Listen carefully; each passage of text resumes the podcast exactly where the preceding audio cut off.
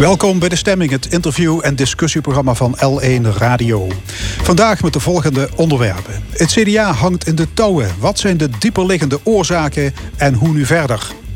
Ron Meijer schreef een boek waarin hij pleit voor meer waardering voor de volksbuurten en mensen met lage inkomens. En onze wetenschapsanalist Ron Heren over de snelle opmars van technologie in de gezondheidszorg. En dan het tweede uur. Een rondetafelgesprek over de toekomst van de Nederlandse taal. En verder een column van Jos van Wersch. En het panel discussieert over alweer een integriteitskwestie rondom oud-gedeputeerde Ger Koopmans en andere actuele zaken. Tot één uur is dit De Stemming. Het is goed hommeles binnen het CDA. De partij beleeft de zwaarste crisis sinds de oprichting. De affaires met Pieter Omzicht en Siebert van Linden... de beschuldiging van omkoping... de integriteitskwesties in Limburg... alle turbulentie doet het CDA schudden op zijn grondvesten. Hoe is het zover kunnen komen? En hoe moet de karavaan weer verder trekken? We gaan erover praten met twee CDA'ers in hart en nieren. Hanny Heijnen, ze is gemeenteraadslid in Heerlen... en Jeroen Leenaars, lid van het Europees Parlement. Hartelijk welkom. Dankjewel. Mevrouw Heijnen, u zit al 23 jaar voor het CDA in de gemeenteraad. Is het uh, ooit zo'n toestand geweest als nu? Nee, nee nog nooit zo'n toestand geweest. Ik moet zeggen, ik was ook echt geschokt toen ik die memo van Pieter Omzicht uh, las, denk ik ja, dat je eigenlijk bij zo'n partij was, bent. Daar, daar schrok ik gewoon heel erg van. En ik vind het ook nog wel erg dat op zo'n moment dat er dan naar buiten komt dat het bestuur Pieter niet onder de arm heeft genomen, maar dat eigenlijk dat ze zich alleen maar zorgen maken van ja, wie is nou het lek? En Pieter heeft een burn-out van eigenlijk een beetje doen overkomen alsof hij labiel is. Ik denk, zijn we nou daarmee bezig? We moeten nou gewoon gaan praten over de inhoud. De affaire Omzicht vindt u het allerergste? Het allerergste wat er tot nu toe is gebeurd, ja. Wat doet het met u? Uh persoonlijk? Nou, ik vind het gewoon, kijk, wij zijn lokaal altijd heel goed bezig. Kijken we eigenlijk niet zo naar het landelijke CDA. Wij zijn, wij zijn er gewoon voor de burgers, voor de verenigingen. Maar dit, de gemeenteraadsverkiezingen komen eraan en dit doet toch wel wat. We moeten proberen mensen op de lijst nee, te krijgen. Nee, maar u, zelf, u zit 23 jaar in de raad. u bent 25 jaar lid van die club. Ja. hoe gaat u daarmee om? Ja, ja, ik blijf bij het CDA natuurlijk. Ja, ik ben CDA-lid. ik, ik ik ga echt niet weg bij het CDA, maar ik denk er moet wel verandering komen. Ik, voor, voor, mij denk ik, het bestuur moet gewoon weg. Er moeten nieuwe mensen komen die, die het CDA gewoon weer naar voren brengen. Die eerlijk en integer zijn, want daar gaat het nou uiteindelijk om. Ook aan tafel Jeroen Leenaars, lid van het Europees Parlement. Gaat het u ook aan de pri? Ja, maar zeker. Uh, het feit dat het niet goed gaat met de club uh, op landelijk niveau. Dat, dat doet natuurlijk heel veel pijn. Aan de andere kant uh, zie ik juist ook, een beetje wat Hanni zegt, op, op lokaal niveau zien we juist heel veel goede dingen gebeuren bij het CDA. We zien heel veel jonge mensen die zich heel enthousiast inzetten voor de club. Jonge wethouders, jonge lijsttrekkers. Heel veel enthousiasme, heel veel goede mensen. Dus in die zin, het, het CDA is meer dan alleen de vierkante kilometer in Den Haag. Het CDA is een volkspartij met heel veel wortels in de samenleving. En daarom zullen wij ook deze uh, klap zullen wij ook weer overleven. Ja, u zit op afstand in uh, Straatsburg en, uh, en zover, zover is dat niet hoor. Nee, maar u leest het ook allemaal in de krant? U moet er ook allemaal machteloos toezien? Nee, maar je, natuurlijk, eh, je, je, leest dingen in de krant. Maar je hebt natuurlijk heel veel contact met, uh, met mensen in Limburg, met mensen in de rest van het land. Heel veel CDA'ers zijn heel betrokken bij wat er in de partij gebeurt. En juist die betrokkenheid, die, die kenmerkt ook het CDA. En daarom hou ik er ook vertrouwen in. Ik bedoel, ik, die memo van Pieter Omtzigt bijvoorbeeld. Er wordt heel veel aandacht geschonken, bijvoorbeeld aan de, uh, een aantal appjes en dergelijke, waarin echt, echt verschrikkelijke taal gebruikt wordt. En wat ook door iedereen die ik ken keihard uh, afgekeurd is, wat niemand zit te verdedigen. Maar tegenover die, die vijf, zes appjes staan honderden, duizenden bloemen, kaarten, berichten, brieven, die ook allemaal aan Pieter gestuurd zijn vanuit het CDA. Met steun, met medeleven. En dat is voor mij het CDA. Ja, en maar dat document dat is ook wat we moeten blijven is, benadrukken. is toch een bom onder het CDA. Heeft u dat stuk gelezen? Ja, zeker. Die 76 kantjes. Ja. Wat ja, vond u ja. ervan? Ja, het is, kijk, aan de ene kant vind ik het, het mooi, want uit die memo, daar komt in ieder geval uit naar voren dat Pieter nog vertrouwen had, ook in die commissie Spies. Dat hij zoveel werk erin stak om voor hem een hele scherpe analyse te maken van wat er allemaal misgegaan is in de afgelopen maanden. Dus dat was voor mij in ieder geval een teken dat Pieter dacht: we kunnen dit ook binnen het CDA nog oplossen. Dat het toen uiteindelijk gelekt is, maakte die positie veel moeilijker. Er staan in die memo een hoop dingen uh, die. Uh, veranderd moeten worden. En de opdracht voor de commissie Spies is nou om de lezing van Pieter goed te bestuderen. Die ook naar de, naast de lezing van anderen die betrokken waren bij die campagne te leggen. Want er zijn ook een aantal mensen die daar een andere herinnering of een andere mening over hebben. Dat goed te uit te zoeken en dan met een degelijk advies te komen over hoe we dit in de toekomst beter kunnen doen. Hanni Heijnen, wat vond u van dat uitgelekte stuk, die omzichtpapers? Ja, ja, ik vond het eigenlijk een ramp dat het uitgelekt is. Dat had gewoon niet gemoeten, dat had intern moeten blijven. Maar nou het uitgelekt is, denk ik, ja, is het misschien ook wel goed dat er nou eindelijk uh, duidelijkheid komt. Want het is niet alleen die memo van Pieter Omzicht, het is eigenlijk ook de hele chaos van vorig jaar geweest bij het CDA. Het is niet alleen dat. De lijsttrekkersverkiezingen waren gewoon een puinhoop. Ik bedoel, daarna komen ze dan ineens met Wopke, waarom wordt er niet duidelijk gemaakt, waarom willen we Pieter niet hebben als lijsttrekker? Waarom ben je niet gewoon eerlijk naar alle leden toe? En niet alleen naar de leden, maar ook al die mensen die CDA stemmen. Ik bedoel, dan die 1,2 miljoen maakt dan ook duidelijk hoe dat gegaan is. Ineens drie weken van tevoren komt dat geld. Ja, terwijl daar kom ik zo meteen op. Maar er wordt gezegd dat hij belangrijke dingen aan de orde stelt. Maar er is irritatie over zijn toon. Ja. Hij etaleert uh, frustratie, rancune. En dat wekt vrevel.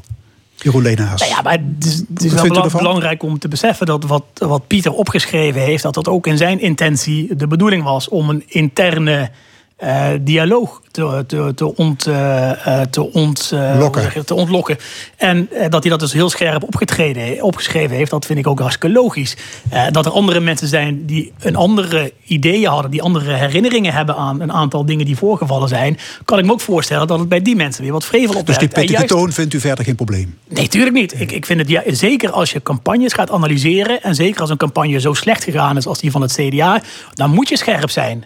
Hoe, hoe, zeggen ze dat? Uh, voorzichtige heelmeesters maken stinkende wonden of iets dergelijks.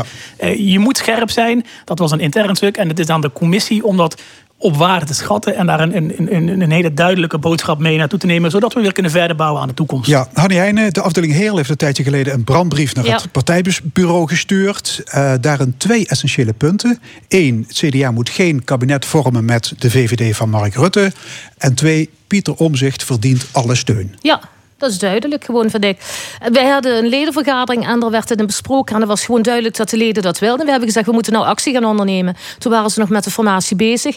Dus onze secretaris Gabrielle die is de brief gaan schrijven... met nog steun van de afdeling. Ja, en die heeft uh, heel veel contacten gezocht landelijk in het land met afdelingen. Er waren genoeg afdelingen die zeiden: We hebben zelf al brief gestuurd, er is eigenlijk niks mee gebeurd. Ik bedoel, en toen is het eigenlijk een beetje begonnen. Wij staan er nog steeds eigenlijk achter. Kijk, Pieter heeft in die tijd genoeg gedaan. Veel Kamerleden hebben er zogenaamd aan getwijfeld. Maar uiteindelijk bleek het toch uiteindelijk waar. Wat hij allemaal heeft gezegd. En dan vind ik dat hij ook de steun verdient. En die moet hij krijgen. En we zijn toch niet allemaal vriendjes van elkaar. Dat moet allemaal ook gewoon zakelijk blijven. De meest ernstige aantijging is dat de grote sponsoren invloed hebben op de koers van de partij iemand als Hans van der Wind, een belangrijke geldschieter, hmm. die zou ervoor hebben gezorgd dat de jongen werd vervangen door Hoekstra.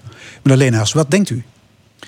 Maar dat is, dat is een, een, suggestie die een beetje gewekt wordt in, in die tekst. Ik, ik geloof daar niet in. Uh, ik geloof ook dat uh, Pieter zegt zelf ook in die memo van... oké, die, die bedragen die zijn nog niet gepubliceerd... maar uh, volgens de regels kan dat nog tot volgend jaar. Het CDA heeft er ook meteen op gereageerd... door alle donaties eh, die eigenlijk nu in de zomer gepubliceerd zouden moeten worden en die volgend jaar zomer pas gepubliceerd hoeven te worden, nu al allemaal transparant naar buiten te geven. Juist omdat eh, wij daar transparant over willen zijn. En als ik denk, en ja, Hanni heeft natuurlijk bij, is bij een hoop meer congressen aanwezig geweest uh, dan ik. het idee dat sponsoren invloed hebben op het verkiezingsprogramma. Als je ziet hoe er op onze congressen gediscussieerd wordt over amendementen, hoe er gestemd wordt over amendementen, dan is dat iets wat ik totaal niet, me totaal niet in herken. En dat geloof ik ook helemaal niet. Hanni Heijnen, denkt u dat er sprake is van omkoping? Nee, dat geloof ik niet. Maar het maakt wel de schijn. En dat is natuurlijk wel stommigheid, vind ik, van het bestuur. Om daar zo mee om te gaan. Drie weken van tevoren. Het feit misschien dat ze de Hugo, Jonge, Hugo de Jonge hebben teruggetrokken... heeft er waarschijnlijk ook met corona te maken. Ik denk, hoeveel mensen reageren niet negatief op Hugo. Hij moet het naar buiten brengen, terwijl het het hele kabinet... Dus ik denk dat dat er ook mee te maken heeft. Maar het wekt de schijn en dat is gewoon niet goed. Maar die man die van der Wind heeft 1,2 miljoen euro in de kas gestort. Ja, En die man is hoofd fondsenwerving. Ja. Lid van het campagneteam. Zijn dat geen dubbele pet, hè? Dat ja, doet, dat, doet hij, maar dat doet hij al 15 jaar ook, hè? Ja. Dat doet hij al, al, al 15 jaar. En wij zijn als leden van het CDA zijn wij verantwoordelijk voor de lijsttrekker. We zijn verantwoordelijk voor het verkiezingsprogramma. Daar hebben wij hele diepe discussies over, stemmingen. We zijn het soms niet met elkaar eens. Hanni en ik zullen het ook over ongetwijfeld een aantal dingen niet eens zijn. Maar uiteindelijk is er een stemming, de meerderheid beslist... en dan gaan we daar met z'n allen achter staan. Maar u denkt niet dat mensen die zoveel geld geven aan een partij... dat die ook invloed willen? Nee, maar dit, dit zijn mensen, en dat heeft hij zelf ook heel mooi uitgelegd, denk ik. Die, die, die staat achter het gedachtegoed van het CDA. En dat gedachtegoed is ook dat wij, zeker ook na een crisis zoals we het nu hebben, weer ruimte scheppen. Ook voor midden- en kleinbedrijven, voor familiebedrijven, voor de economie, voor na eh, de corona het herstel. En dat hij bij de uitgangspunten van het CDA daar de meeste aanknopingspunten ziet. En dat dat ook wil ondersteunen. Uh, en de invloed, die kun je niet kopen, want daar gaan de leden uiteindelijk over. Wij beslissen erover, wij stemmen erover. We stemmen soms dingen die het bestuur ook helemaal niet wil hebben. Nou, dat is onze partij. En dat blijven we ook doen. Het wordt onderzocht. Uh, maar stel dat die beschuldiging klopt. Kan het CDA dan de tent sluiten? Nee, nee, tuurlijk kan het CDA niet de tent sluiten. Maar ik het is vraag... toch catastrofaal voor een politieke partij als geldschieters de dienst uitmaken? Ja, maar ik geloof ook niet dat dat zo is. Ik denk dat dit, dit wekt de schijn, maar het wil niet zeggen dat dat zo is. Dat moet gewoon goed uitgezocht worden. Maar het is wel jammer dat die 1,2 dan eigenlijk uitgegeven zijn aan amateuristische sociale media. Dat vind ik dan nog veel erger. dus dat het eigenlijk ja, ja. weggegooid geld is. Ja. Dat is dan uiteindelijk een ramp. Hey, de achterban roert zich. Hè. Overal komen lokale afdelingen bij elkaar. Binnen acht weken komt er een extra partijcongres. Gaat de afdeling Heerlen zich melden om ja, te zeker. spreken? Jazeker, ja, met een paar mensen gaan we er zeker heen. En wat gaat u vertellen?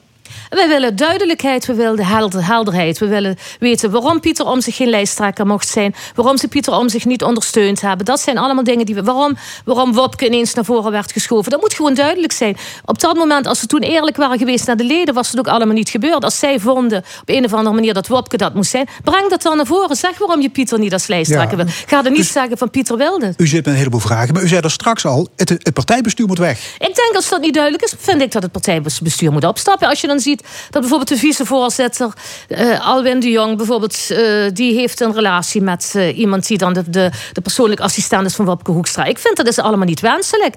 Een, een, een, een communicatiebureau, degene die het communicatiebureau heeft, die doet de campagne. Ja, die moet ook zijn verantwoordelijkheid nemen, want het was gewoon een slechte campagne. Ja. En moet het CDA zich terugtrekken uit de kabinetsformatie?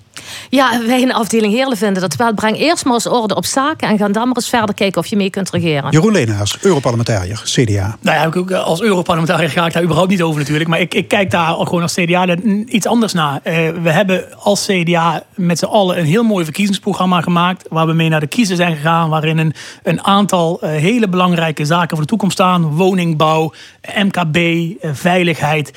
en een miljoen mensen hebben op het CDA gestemd om die dingen te realiseren. En als het daarvoor nodig is om dat in een kabinet te gaan doen, dan hebben wij ook de verantwoordelijkheid om die idealen van ons ja. via regeringsdeelname naar voren te brengen. Maar, maar Heine zegt eerst grote schoonmaak. Ja, vind ik wel. Het moet eerst duidelijk zijn waarvoor we staan. En dan pas, vind ik, moet je gaan praten over meer regeren. Ja, maar voor mij is het, nou, maar goed, daar mogen ook van mening over verschillen. Voor mij is het duidelijk waar we voor staan. We hebben een, een, een zij-aan-zij uh, stuk wat door de hele partij is omarmd. We hebben een verkiezingsprogramma wat door de hele partij is omarmd. En het is aan ons om ervoor te zorgen dat zoveel mogelijk van die ideeën de komende jaren gerealiseerd worden. Dat is onze verantwoordelijkheid richting al die mensen die op ons gestemd hebben. En als dat via een regeringsdeelname lukt om daar heel veel van uh, te realiseren, dan moet je dat zeker overwegen. Maar ik ben het verder helemaal met Hanny eens dat richting dat congres we moeten die conclusies van de commissie Spies over de evaluatie van de campagne afwachten. Daar moeten duidelijke, uh, uh, duidelijke oplossingen aangedragen worden. En dan moeten we daar als partij ook weer met z'n allen na zo'n congres uh, volle bak achter kunnen staan. Maar feit is dat het CDA sinds dat vorige legendarische congres van 2010 ideologisch flink is gaan zwabberen. De ene keer werd gekozen voor het radicale midden. Toen kregen we het, het, het rechtsconservatieve geluid van, van Buma. Ja. Het laatste stuk, zij aan zij, is wel heel erg progressief. Er is ideologisch geen touw meer aan vast te knopen. Nee, wij zijn ook gewoon, wij zijn gewoon een middenpartij. En ik bedoel, dat, dat, dat van naar rechts naar links. Ik bedoel, wij staan gewoon in het midden. En wij, ik vind in Heerlen zijn wij eerder, eerder aan de linkerkant dan aan de rechterkant. Wij zijn gewoon een hele sociale partij. We zitten in een coalitie met de SP Heerlen. Nou, en dat gaat prima, CDA en SP. Ja, maar het is juist het, juist het mooie van het CDA, vind ik, dat er ruimte is voor verschillende stromingen binnen ja. zo'n partij. Uh, ik erger me dood aan de, de manier waarop we in Nederland tegenwoordig voor iedere, voor iedere doelgroep een nieuwe partij op gaan ja. richten. En dat er geen enkele partij meer is die nog probeert om verbinding tussen doelgroepen te leggen. Dat is wat het CDA al jaren probeert nee, te doen. Okay. Dat zullen we ook in de toekomst blijven doen. En dat zal ook uh, nodig zijn. Ja, maar, maar veel mensen weten niet wat het CDA voor staat, heden ten dagen. Maar ik denk, zoals Hanni dat net uitlegt, is perfect. Wij zijn een middenpartij. Wij proberen die samenleving te verbinden. Daar zitten conservatievere mensen bij, daar zitten progressievere mensen bij, daar zitten linkse mensen, rechtse mensen bij. Dat is onze samenleving en die vertegenwoordigen wij als CDA. Dus herbronnen is niet nodig. Natuurlijk moet je na... er wordt wat afgeherbrand. Ja, ja. Nee, maar het CDA. uiteindelijk, eh, wat heel belangrijk is, is dat wij als partij dat congres hebben, waar het CDA Heerlen ook om gevraagd heeft, dat we daar elkaar de waarheid durven te zeggen, elkaar in de ogen kijken en dan vervolgens samen verder gaan voor al die afdelingen die volgend jaar gemeenteraadsverkiezingen hebben, waar allemaal jonge, hele goede mensen zitten die het verdienen om de steun van hun lokale gemeenschap te houden. Ja, stel dat die omzicht een eigen politieke partij gaat oprichten. Dat betekent in feite een scheuring. Ja. Dat zou een ramp zijn, denk ik. Een ramp voor het CDA. Ik denk, je moet Pieter nou eerst eens een paar maanden met rust laten. Maar ik denk, als er echt wat wordt gedaan met het verhaal van Pieter Omzicht... en er komt duidelijkheid en misschien een nieuw bestuur... zou Pieter Omzicht misschien ook wel overwegen om terug te komen. Ik bedoel, zijn vrouw is ook bij het CDA gebleven. Ja, is er voldoende gedaan om hem weer binnenboord te halen? Weet ik niet. Ik bedoel, dat is voor ons niet duidelijk. Er wordt gezegd, we hebben gesprekken met hem gehad. Maar dat vind ik allemaal een beetje vaag. Nou zijn er ook allemaal gesprekken in het land. Door Mannix van Rij, allemaal sessies. Maar weet je, er wordt er gezegd, we moeten elkaar vastpakken. Weet je wel, zo is allemaal. Daar heb je allemaal beetje zo weinig wege, aan. Wege taal waar je niks Ja, daar heb je allemaal helemaal niks aan. Het CDA Limburg krijgt het ook flink voor de kiezen vanwege allerlei integriteitsaffaires. Uh, daarom wil de partij niet opnieuw in het provinciaal bestuur. Wat vinden jullie van dat besluit? Nou, Jeroen Ik denk dat de lijn van, eh, van Mariska Werri ook heel duidelijk was. Wij willen, de fractievoorzitter graag, wij willen graag eerst die onderzoeken afwachten, de uitkomsten daarvan bepalen. En dan kunnen we ook weer naar de toekomst kijken. En je ziet ook eerlijk gezegd meteen, eh, als het CDA dan een keertje niet meedoet, dat de rest, eh, de onderleiding van de VVD, ook een behoorlijk soortje van maakt. Dus eh, wij zullen daar naar kijken. En wat ik wel belangrijk vind, en dan moet ik even de, de woorden van, van gouverneur Remkes herhalen. Dat is natuurlijk geen CDA. Maar die zegt, we moeten wel oppassen dat we ook een stukje Limburgse waardigheid behouden. Dat we gaan oordelen op basis van feiten en beoordelingen. En niet op basis van beeldvorming en, en vooringenomenheid. En dat is een opdracht die is voor de hele Staten, die is voor ons als politici, die is ook voor de media. Om ervoor te zorgen dat we die onderzoeken afwachten. En dan op basis van de feiten gaan oordelen wat daar gevolgen van moeten zijn. Meneer Lena, zullen we wedden voor een goede fles wijn dat het CDA straks toch een gedeputeerde levert in het college van GS? Wat, wat is straks en wat is een goede fles wijn? Straks is, laat ik zeggen, 2 juli.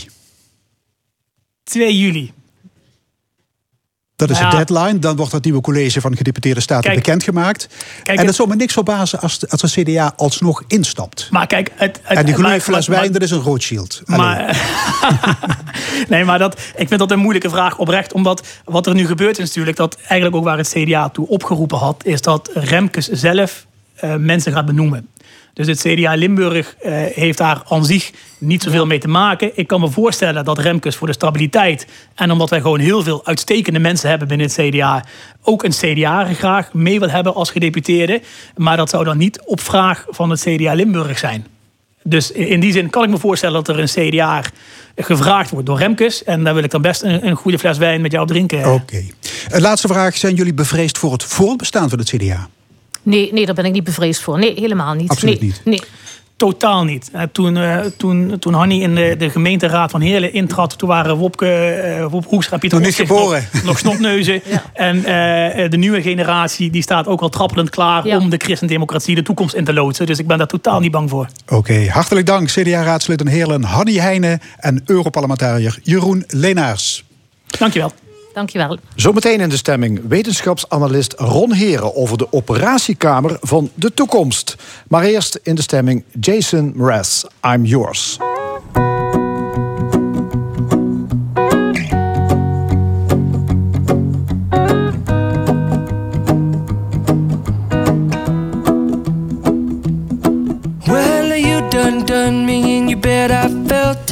Tried to be chill, but you're so hot that I melted. I fell right through the cracks. Now I'm trying to get back. Before the cool done run out, I'll be giving it my bestest, and nothing's gonna stop me but divine intervention. I reckon it's again my turn to win some or learn some, but I won't hesitate more, no more. It cannot wait. I'm yours.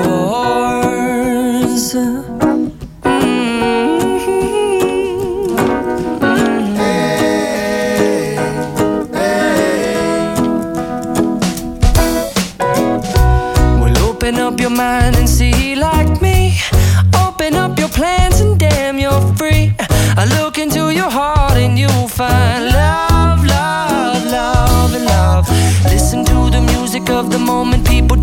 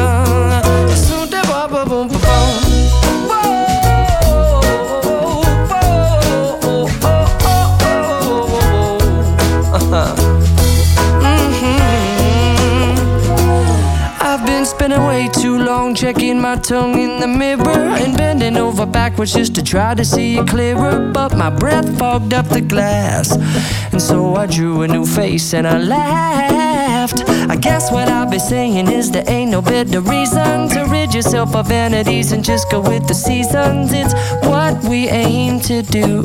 Our name is our virtue, but I won't hesitate no more, no more. Cannot wait. I'm yours.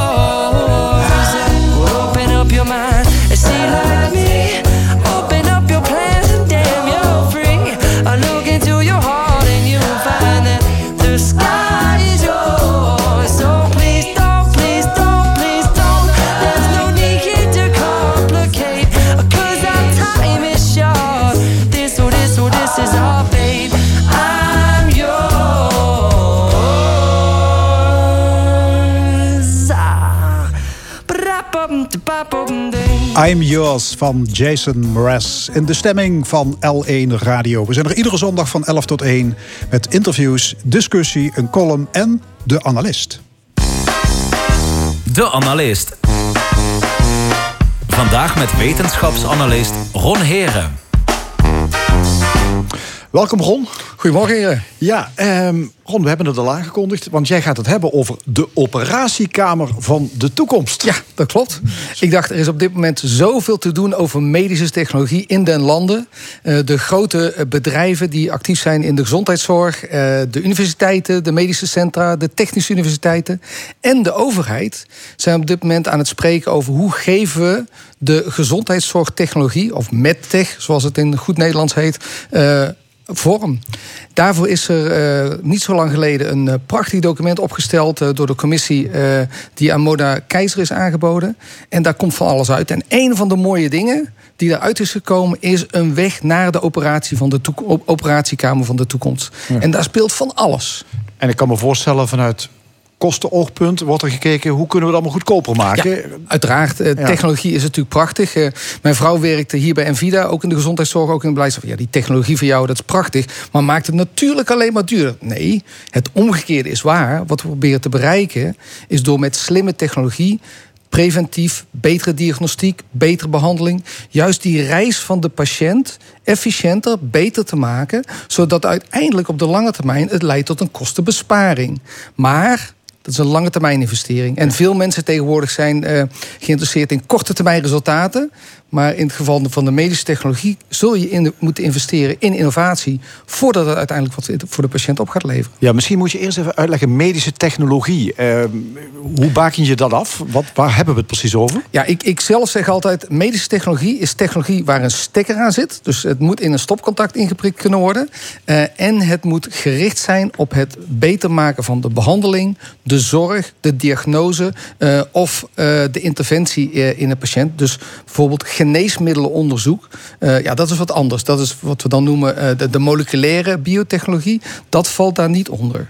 De medische technologie zijn echt de apparaten. Hè? Dus, dus denk aan ehm, de, de AED's, de defibrillatoren. Denk aan de beademingsapparatuur. En nou, dat zijn typisch voorbeelden van medische technologie. Waar ongelooflijk veel innovatie eh, in gaande is. Ja, ook heel actueel natuurlijk in verband nu met de, de COVID-crisis. hè. De- de- ja, je noemde het al, de beademingsapparatuur. Maar ik denk ook al die, die, die sneltesten en zo. Dat heeft natuurlijk ook alles Ja. met technologie. Die zit erachter, hè? Absoluut. Als je denkt aan eh, de PCR-testen die we nu allemaal eh, gaan doen, eh gelukkig GGD en gratis zo, eh, bij ja. de GGD, ehm, en die naar laboratoria opgestuurd worden. Die laboratoria staan vol met, met technologie, met medische technologie, die dat stukje genoom van dat virus uitleest. De sneltesten zijn gebaseerd op de medische technologie om die eiwitten te identificeren. Dus dat, dat is wel, de sneltest is een beetje grensvlak, hè, want dat is toch wat meer moleculair. Er zit ook geen stekker Er zit aan. geen stekker in je- dat- dat dingetje, Precies, dus Nee, in mijn nee. definitie is dat Ja. geen medische technologie. Maar het komt er wel weer indirect uit voort. Dus Ja. ja, het is heel breed. En voor COVID ongelooflijk belangrijk. Ja. In het begin van de crisis waren er geen beademingsapparatuur. Toen zijn er eh, technologiebedrijven, medische technologiebedrijven... en masse op ingesprongen... om zo snel mogelijk voldoende beademingsapparatuur... voor de ziekenhuizen en de IC's eh, klaar te hebben. Dus weer Ja. een mooi voorbeeld. Ja, we hadden het er al over dat natuurlijk bijvoorbeeld de overheid, verzekeraars, die willen het natuurlijk graag ook goedkoper hebben. Maar hoe kijken medici naar ehm, de technologie van de toekomst? Eh, wat hopen zij met technologie te kunnen bereiken? Nou, de, de medici, ehm, er zijn twee kanten aan. De ene kant is de, de gebruikerskant. De medici hopen dat hun behandelingen preciezer worden. Dat is eigenlijk het allerbelangrijkste. Want heel vaak worden er nu tijdens een procedure, tijdens een interventie of tijdens een behandelingstraject beslissingen genomen die niet op heel veel brede kennis eh, gebaseerd zijn. En, natuurlijk hebben medici zijn geweldig slim, maar soms missen ze precisie. Dus men hoopt dat de precisie gaat toenemen. Tegelijkertijd willen ze dat hun werkdruk lager wordt. Want ze willen niet nog honderd andere apparaten in moeten zetten. Dus zoveel mogelijk alles geïntegreerd. Dus als een chirurg nu een mes heeft waarmee hij snijdt... al die andere functionaliteit hoopt hij eigenlijk dat hij met dezelfde handeling ook kan doen. Dus aan de ene kant precisie, aan de andere kant vergelijkbare of liever nog lagere werkdruk. En technologie kan daarbij helpen. Ja, en daar heb je ook, neem ik aan, data voor nodig. Hè? Want dat wordt tegenwoordig overal verzameld. Ik kan me niet voorstellen dat de medische wetenschap het zonder dataverzameling Nee, gaat doen. data, data is cruciaal. En, naarmate de medische technologie beter wordt, genereren we ook steeds meer data. hè. Er is het eh, broodje aap verhaal dat Google eerder weet dat de vrouw zwanger is dan de vrouw dat zelf weet. En dat komt allemaal omdat we zoveel data genereren. Of dat verhaal overigens waar is, dat, dat is een tweede. Ehm, maar het, het is, de essentie ervan is wel dat we steeds meer besluiten nemen op basis van heel veel data. De- dus bijvoorbeeld, dan, dan weet je van, van miljoenen patiënten eh, in een vergelijkbare situatie eh, hoe, hoe ze eraan toe zijn. En dan kun je voor die ene patiënt kun je beslissingen nemen. beslissingen nemen. Ja, dus gebaseerd op. Het is eigenlijk, ik maak altijd de analogie met het weer. hè.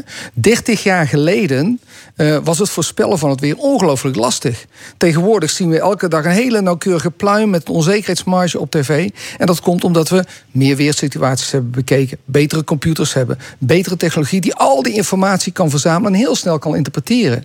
Nou, diezelfde revolutie maken we nu ook in de medische technologie, de datagedreven medische technologie door, waarbij we steeds meer gedetailleerde informatie boven water halen.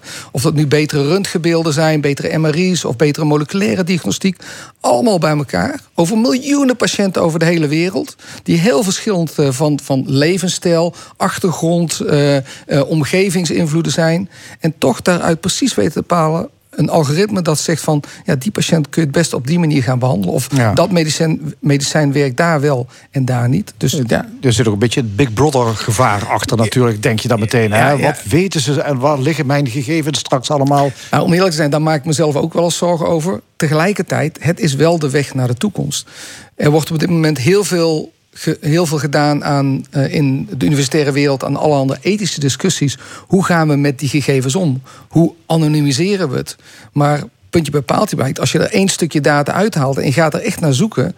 Ja, dan is er altijd de kans dat je toch wat terugvindt. Dus ja, ik, het heeft een hele bevredigende kant. Als in, we maken de wereld beter voor elkaar.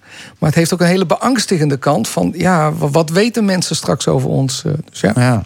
Ik zit ook te denken aan die medische wetenschappers. Die hebben straks, eh, ja, er staat heel veel technologie klaar. Eh, met kunstmatige intelligentie worden er allerlei berekeningen gemaakt. Die arts, die internist, die is straks werkloos.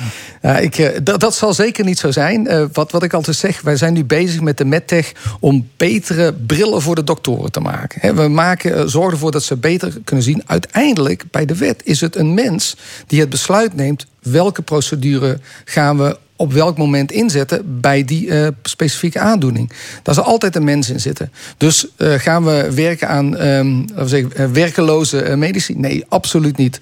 Maar we zorgen er wel voor dat die medici hun werk veel beter kunnen doen. En dat als die medi- medici vroeger ingrijpen, dat de patiënt een langer leven beschoren is. Dus de gemiddelde levensverwachting met al die medische technologie zal opgerekt worden. Ja, want die tumor die is bijvoorbeeld eerder ehm, te herkennen, aan te tonen, te verwachten...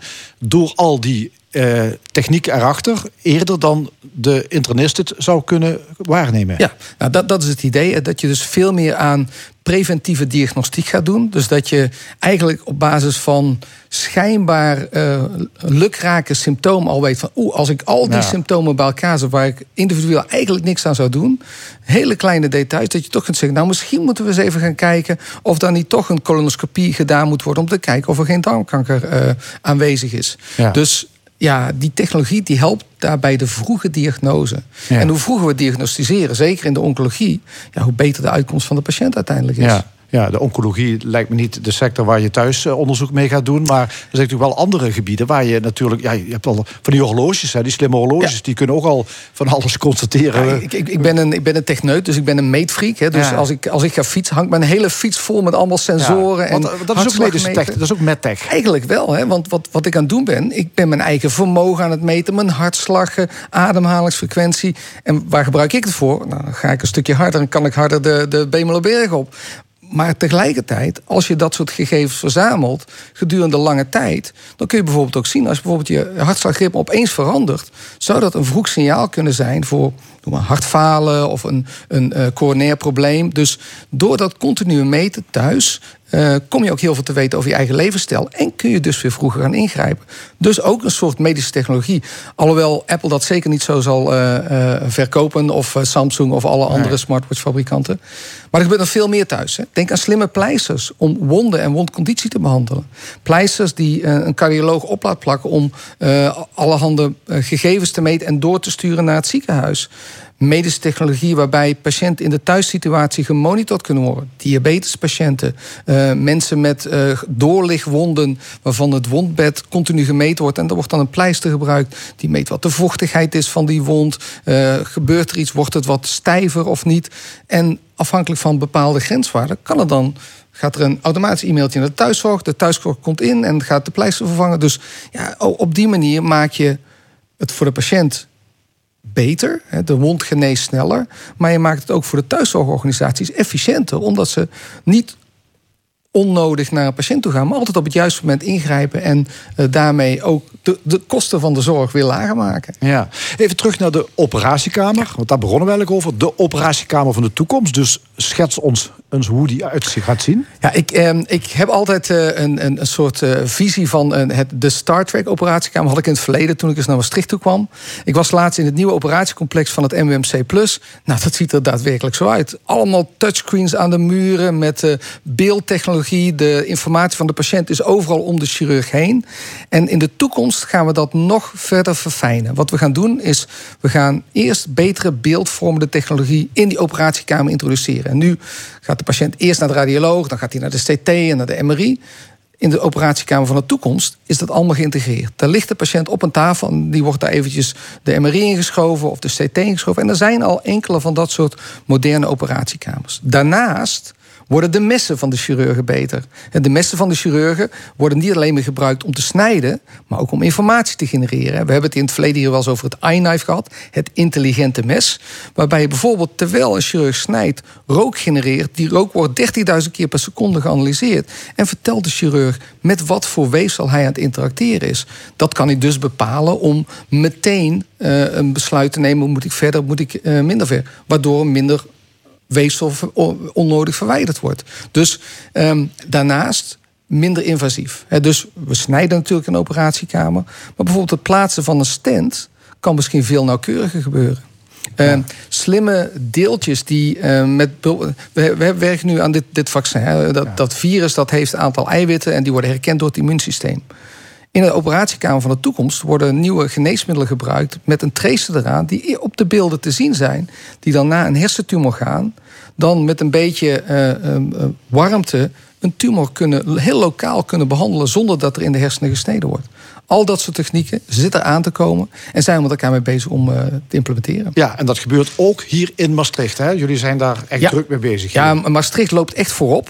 Ehm MUMC, eh, samen met de Faculty of Health Medicine and Life Science en de Faculty of Engineering, is aan het werk aan die moleculaire OK van de toekomst. En veel van die nieuwe technieken waar we het nu over hadden, die gaan uit Limburg komen. Mark my words. Nou, dat zijn mooie woorden om mee af te sluiten.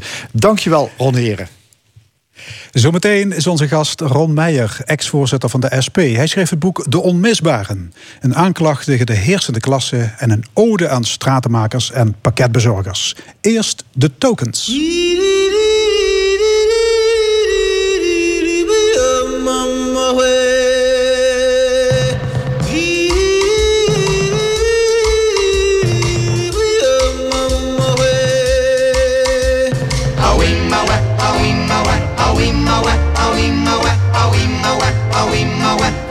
mawe, awi mawe, awi mawe, awi mawe, awi mawe, awi mawe, awi mawe, awi mawe, awi mawe, awi mawe.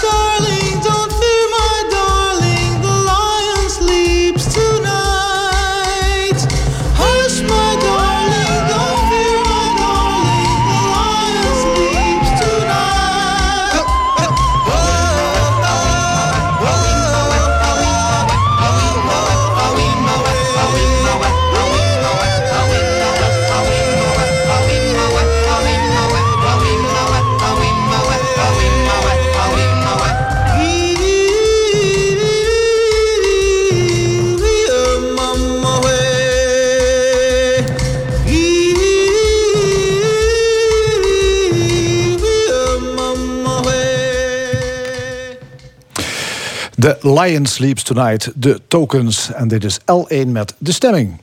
Ron Meijer, vakbondsman op Schiphol en voormalig voorzitter van de SP, schreef een boek over wat hij noemt de onzichtbare sociale klasse. Beter gezegd, de onderklasse. En daarmee bedoelt hij de schoonmakers, de pakketbezorgers en de werkers in de thuiszorg. Essentiële beroepen, maar ik citeer, bespot en bespuugd. Vergeten en genegeerd door de heersende klasse. Het is ook een boek over zijn afkomst, Heerlen Noord, de arbeidersbuurt achter het spoor. Aan tafel Ron Meijer. Ron, welkom. Dankjewel. Ja, je bent opgegroeid in Heerlen Noord, meer speciaal in Zeswegen. Wat moeten we zeggen? Eh, achterstandsbuurt of krachtwijk? Ja, ik heb met beide termen niks. Een fantastische buurt. Ik heb ook met, met eh, mooie introductie, maar ik heb ook met het begrip onderklasse helemaal niks. Ehm, sterker nog, ik vind dat dat een oordeel is. Eh, en ja, mijn boek gaat ook echt niet alleen over eh pakketbezorgers, vuilnismannen, maar net zo goed over docenten of juffen in de kinderopvang, om eens wat te noemen. Dat, het opvallende is juist dat dat. En waarom heb ik een bezwaar tegen begrippen als onderklasse of, of? De suggestie is dat het zou gaan om kleine groepen. Maar het gaat om miljoenen mensen. Sterker nog, als je de gr- grens trekt, die ook arbitrair is bij eh, maximaal MBO opgeleid, dan gaat het om bijna twee derde in ons land. Die zitten doorgaans niet aan de tafels bij Buitenhof, die zitten niet aan de talkshowtafels. Eh, maar ja, die houden wel het land overeind. En eh, wat mij betreft is het dus echt. Moeten we in dat, ja, in goed, dat daar licht komen we nog allemaal over te spreken. Hoe was jouw jeugd daar in Zeswegen, achter het spoor? Ja, fantastisch. Ik speelde het, eh, de hele zomer het WK pleintjesvoetbal. En eh, dat konden wij met alle nationaliteiten, behalve de Scandinavische. Dus daar werden de blonde jongetjes eh, voor, Nederlandse jongetjes voor ingezet. Dus ik heb echt fantastische jeugd gehad. Ehm, eh, maar ik realiseerde me wel op enig moment dat er een verschil was met bijvoorbeeld de andere kant van het spoor. Ja. Alleen Jullie dat- hadden het niet breed. Nee, we hadden het niet breed. Maar ja, wat je niet weet, dat weet je niet. Hè? Nee, Dus, maar, maar je eh, ouders spaarden zich het eten uit de mond om de energierekening en jouw schoolboeken te kunnen betalen. Ja, dus dus het- dat- dat, ik- was toch pure armoede? Nou ja, ik beschrijf een van die momenten. Hè. Mijn ouders deden alles zoals ja, ik denk dat ouders dat doen. Hè. Ik denk dat veel mensen dat, die dit horen, dat die dat herkennen. Dat je als ouder alles voor je kinderen wil doen. Eh, dus ik heb nooit iets tekort gehad. Ik realiseer me wel later dat hè, het begrip recyclen, dat snapte ik wel. Want ja, wij kregen de, de kleding van, van ooms en tantes. Maar daar had ik nooit een probleem mee. Want ja, dat was prima kleding. En dan kon je ook goed in voetballen. Eh, dus, eh, maar ik zag wel op enig moment dat mijn ouders voor de derde keer op rij eh, niet aten. En ik vroeg al, zoals je dat als jonge tiener doet. Van ja, waar- waarom dan? En zeiden we hebben niet zoveel zin of we hebben niet zo'n trek. En toen zei ik, ja, maar ik heb er niet zoveel trek in die, in die, in die smerige boontjes. Maar dat was niet het punt. Het ging niet om hoe het smaakte, maar omdat ze wel iets nog Ja, voor ons konden maken. Dus en spook- mij, maar niet van zelf. Het spook van de deurwaarder hing permanent Ja. boven jullie huurhuis. Ja, daar is, daar is mijn. eh, Toen dacht ik daar natuurlijk niet over eh, zoals ik dat nu doe. Ik kon dat helemaal niet op die manier al interpreteren. Maar ik snapte wel dat er grote verschillen waren. Want toen ik op de middelbare school kwam, toen ontdekte ik dat er ehm, ja, vriendjes en vriendinnetjes waren. En een deel daarvan, van die, van die jongens gaat nog steeds om. Ja, als die het over tuin hadden, hadden ze, ik dacht dat wij een grote tuin hadden. Met, met een meter of drie, zeg maar. Eh, en daar hadden we de, onze trots van de, van, de, van de tuin, de fuchsia's, de bellenboompjes van mijn vader en van mijn opa. Maar ik ontdekte dat op de Huls, eh in Simperveld, dat ze daar bij een grote tuin hadden over een voetbalveld. Eh, dus hè, dat zijn nog de relatief, zeg maar, ja, niet de allerbelangrijkste verschillen. Maar ik ontdekte toen dat er grote Ja. verschillen bestonden. Maar in zes weken waren jullie niet de enige met geldzorgen. Nee, je klopt. schrijft, achter het spoor zijn de lonen lager... wonen we vaker belabberd en gaan we eerder dood. Dat, dat laatste, dat eerder doodgaan, dat komt vaak terug in je boek. Ja.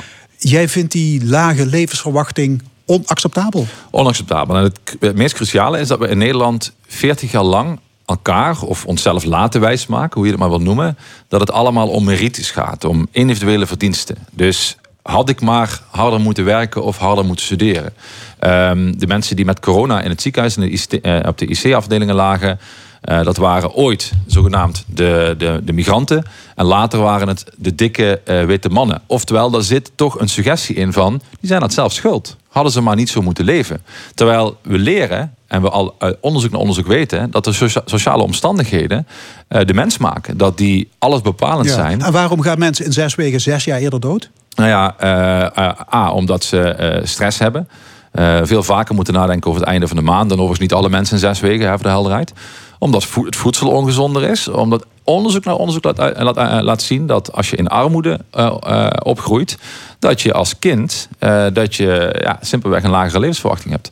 En dat is niet iets dat ik verzin, hè, dat is geen retoriek. Ja. Dat eh, laat het CBS zien. Eh, dat laat, eh, jullie hadden hier laatst eh Gerard Nagelhout aan tafel zitten. Eh, een van de hoogleraren die hierin gespecialiseerd is. Professor Makkenbach, hè, is een beetje een opvolger van, van de Makkenbachs van deze eh, wereld. En die laten ook zien, dat is niet alleen een Heerlens probleem, maar dat is een probleem met het hele land. Dus tussen, laten we zeggen, mijn zeswegen en bijvoorbeeld het Koumerveld van mijn beste maat Martijn zitten ongeveer 2,5 tot 3 kilometer. En per bushalte eh, daalt, als je naar zeswegen komt vanuit Koumerveld, de levensverwachting met twee jaar. Hè, dus je zou nog kunnen zeggen, ja, die linkse eh, socialist van een Meijer, die komt het goed uit om dit te vertellen. Nee, wij gaan in zes weken zes jaar eerder dood. En ik vind dat onacceptabel. Jij trekt in je boek de conclusie... als je wieg in hele Noord staat, dan sta je voorgoed op achterstand. Eh, in je boek noem je dat het navigatiesysteem van de ooievaar. Citaat, word je gedropt in zes wegen, mag je je hele leven ploeteren. Ja. Word je afgeleverd in Wassenaar, kom je terecht in een gouden bedje. Dus een dubbeltje wordt nooit een kwartje. Nee, want kijk, ik ben zelf een voorbeeld. Hè. Laten we daar geen op la- laten bestaan. hè. Ik laat dat ook in het boek denk ik zien. Dat ik daar ook mee worstel. Want mijn materiële omstandigheden zijn niet meer die van de meeste mensen in Zeswegen. Maar ik identificeer me wel met... Ja. eh, ik woon nog steeds overigens achter het spoor. Wat overigens tussendoor ook een nogal interessant begrip is. Want als je achter het spoor eh, letterlijk neemt... dat is maar net afhankelijk van waar je je geografisch bevindt. Maar iedereen Ja. weet wat je bedoelt met achterspoor. Ja, Waarom? ja. Omdat het niet echt gaat over de geografische plek in de samenleving... maar over je sociale plek Snap in ik. de Maar je, samenleving. maar je zei al, je bent zelf het levende bewijs... Dat je hogerop kunt komen. Ja, dus mijn pleidooi is ook niet een soort van verstokt systeemdenken zoals je dat in de jaren 60 of 70 kende. Zo van je hoeft individueel niks te doen, je hebt geen enkele verantwoordelijkheid. Dat is namelijk onzin. Hè. Ehm, als mijn ouders niet voortdurend tegen mij hadden gezegd en mijn zusje. Jullie moeten studeren, want dan krijg je het beter. Als we toen als hadden gezegd, ja, je hebt in zes weken feitelijk maar 10% kans om aan de universiteit te studeren, terwijl je in Welte of Kammerveld 50% eh, kans hebt. Dus doe het maar niet. Ja, dan had ik nooit gestudeerd. Ik ben erg voor dat mensen die kunnen studeren, studeren. Maar het punt is, eh, eh, mijn, mijn, mijn vrienden, die mijn academische vrienden zeggen altijd... ja, maar wij hebben er ook hard voor gewerkt. Ja, dat klopt ook. Maar die timmerman en die monteur en die vuilnisman en die, die thuiszorger... die mbo opgeleid is, die heeft ook hard voor gewerkt. En waarom zou je, als je eh, cruciaal bent... want de vastgoedbelegger en de fiscalist... ik ben opgeleid als fiscalist, is geen cruciaal beroep... Waarom, hè, wat zegt het over ons systeem dat die laatste twee beroepen, dat je daar nou ja, nogal rijk mee kunt worden, maar met de officiële cruciale beroepen in ons land, twee derde van ons land, eh, de MBO's, zou ik maar zeggen, dat je daarvoor, daarvoor moet ploeteren en maar moet zien of je de boel overeind kunt houden. Ja, dus we leven anno 2021 nog altijd in een klassenmaatschappij. Ja, dat is eigenlijk wat ik, wat ik eh, constateer en concludeer. Eh, er is voortdurend gezegd, klasse bestaat niet meer, is iets van vroeger, is iets van de mijnwerker en de fabrieksarbeider. Die natuurlijk, die mijnwerker bestaat helemaal niet meer. De fabrieksarbeider in mindere mate dan in de jaren 80 bijvoorbeeld. Eh, alleen, mijn constatering is dat het systeem niet veranderd is. Het is nog steeds een klassisch systeem. Alleen de Dan heb je het over het kapitalisme, Ja, kapitalisme, marktdenken. Het neoliberale kapitalisme. Het zijn allemaal een beetje uitgeholde begrippen Ja, inmiddels. Maar dat zorgt wel voor ongelijkheid in de samenleving. Een intrinsiek Dat- onrechtvaardig ja. systeem. Dat laat die pandemie ook zien. Want ehm, per eh, rijke coronadoden drie eh, onder de 70 jaar, dus vooral werkende mensen, drie arme coronadoden. En die arme coronadoden, dus die onderste 20% inkomenscategorie, dat is de thuiszorger, dat is de vuilnisman, dat is de pakketbezorger. En hoe hebben we het in dit systeem kunnen laten ontstaan? Dat die mensen die het land overeind houden, dat die aan het einde van de rit kapot gaan. Ja, zou het aloude Karl Marx begrip klassenstrijd weer opgepoetst moeten worden? Ja, ik denk dat als je kijkt hè, eh, naar eh, het toeslagenschandaal, eh, het POMS, Grom 6-schandaal, hè, eh, ook hier in Eigelshof en Brunsen bekend. Als je kijkt naar eh, een heel aantal andere voorbeelden. Die dame die in de bijstand van haar moeder een, een, een, pakket boodschappen kreeg en daarvoor genadeloos werd eh, aangepakt. Al die voorbeelden eh, die laten zien, die zijn allemaal als incident behandeld. Maar de rode draad in al die voorbeelden is dat het allemaal gaat om mensen met eh, bescheiden toegang tot de macht, tot de media en tot de economie. Ja, dat is een sociale klasse. Dus dit, dit zijn niet de mensen in Nee. Wassenaar die zijn aangepakt. In je, in je vorige boek, Grip, heb je de geëngageerde Britse filmmaker eh, Ken Loach geïnterviewd. Ja. Die zegt: Ik hoop dat de woede mensen ertoe brengt om tot collectieve actie te komen. Ja. Geloof jij dat dat zover komt? Ja, ik geloof dat het kan. Of het zover komt, weet ik niet. Ik kan niet in de toekomst kijken. Maar wat ik wel, ik, ik citeer Augustinus. eh, ik ben totaal eh, niet eh, kerkvorst.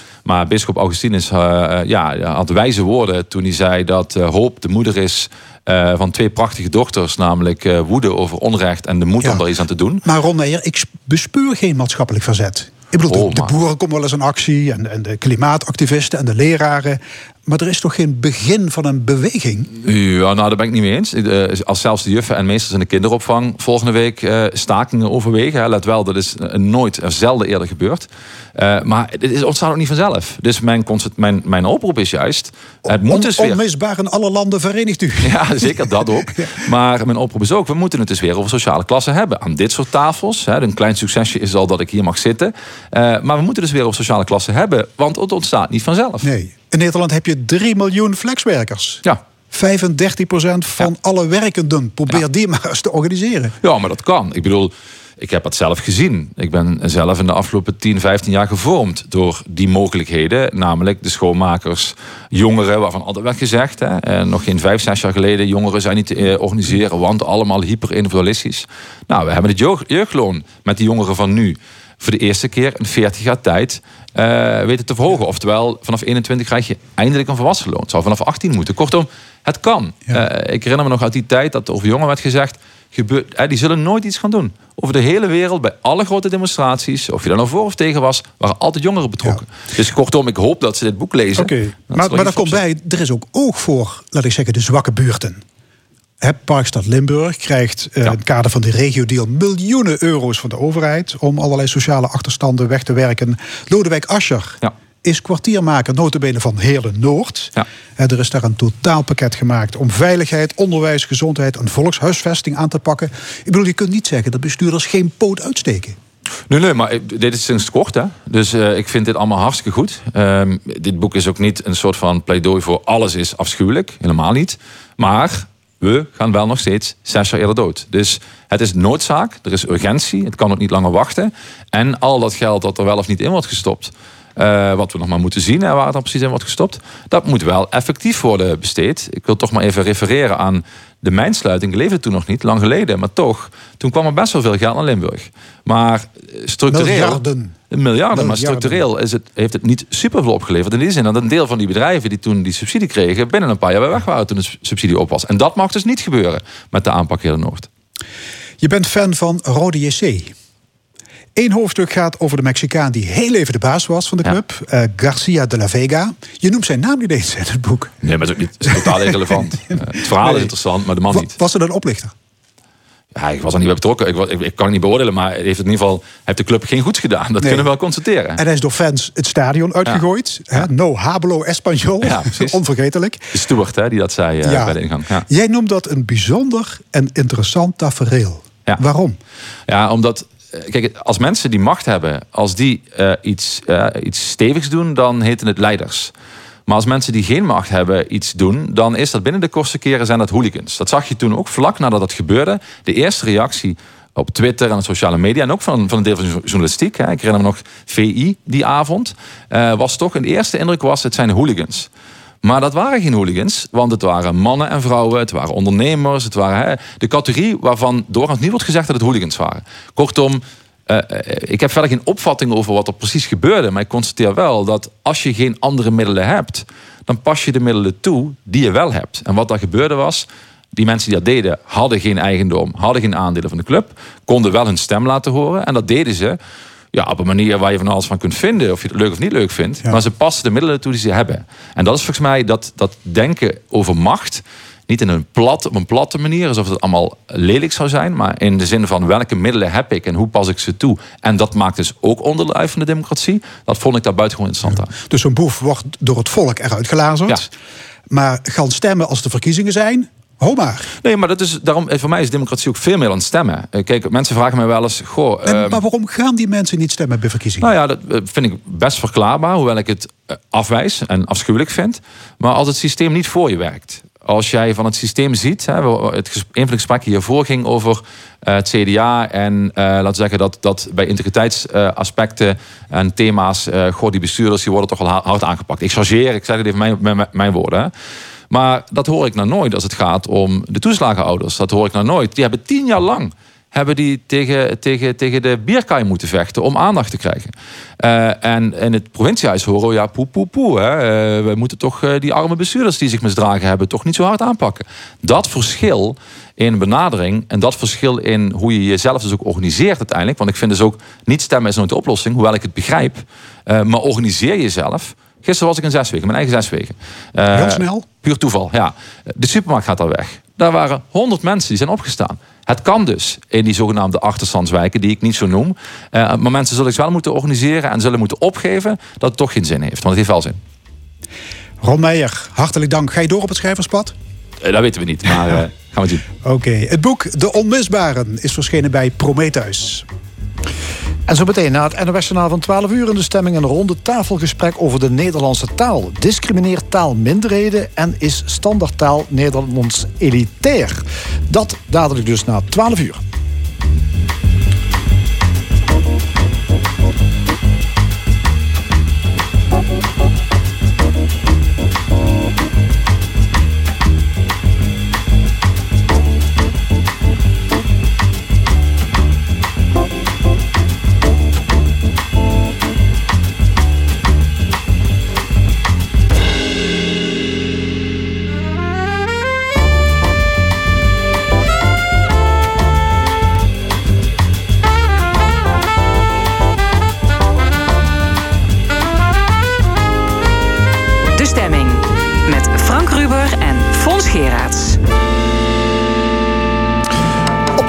Welkom bij De Stemming, het interview- en discussieprogramma van L1. En wat allemaal nog in de tweede en laatste uur.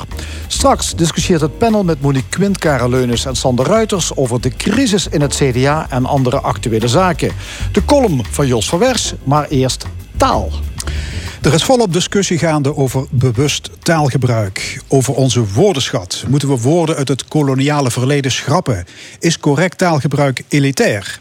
In het onderwijs klinkt de roep om het vak Nederlands te veranderen.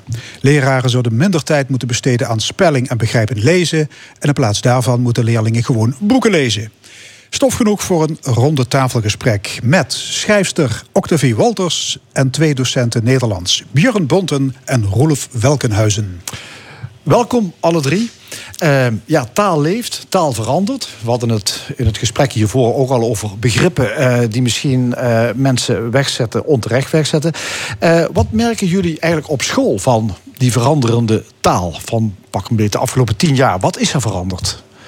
Nou, ik durf zelf al te zeggen dat ik heb gemerkt in die elf jaar dat ik nu in het onderwijs werk, dat de taal verengelst is. Eh, dat heeft misschien ook te maken met het feit dat ik vooral in TTO-klassen lesgeef. Dus Er wordt random die- eh, weer een opmerking gemaakt. Nou ja, goed. Het is natuurlijk zo dat je ziet dat die leerlingen hebben in de onderbouw heel veel Engelstalige vakken aangeboden gekregen. Dus eh, geschiedenis, aardrijkskunde worden in het Engels aangeboden. En je merkt dat dat hun Nederlands beïnvloedt. Dus je krijgt constructies in het Nederlands die wel Nederlands lijken, maar die volledig beïnvloed zijn door Engelstalige volgwoorden, Engelstalig woordgebruik. Dat misschien niet meteen Engels lijkt, maar waaraan je meteen merkt als Neerlandicus dat het geen Nederlands is. Anglicismen. Ja, dat Ja. zijn nieuwe anglicismen die Ja. ik voorheen niet bespeurde, maar nu wel. Is dat een eh, gruwel, Octavie Wolters? Ehm, een gruwel. Voor nou, ja, dat, de liefhebber van de Nederlandse taal? Ja, ja, ja, ik ben een enorm liefhebber van de Nederlandse taal. Dit is een beetje dubbel. Ehm, want als Neerlandicus, eh, ik heb Nederlands gestudeerd, eh, net als eh, de heren aan tafel. ehm, is dat enerzijds heel interessant om te zien hoe taal zich ontwikkelt. En ik ben ook echt van mening dat dat ja, niet, niet tegen te houden is. Zulke dingen. eh, ja, taal is eigenlijk een organisme, een soort levend wezen, wat zich eh, zonder dat wij daar invloed op kunnen uitoefenen, eh, ja, ontwikkelt in een kant die wij ook niet kunnen verwachten.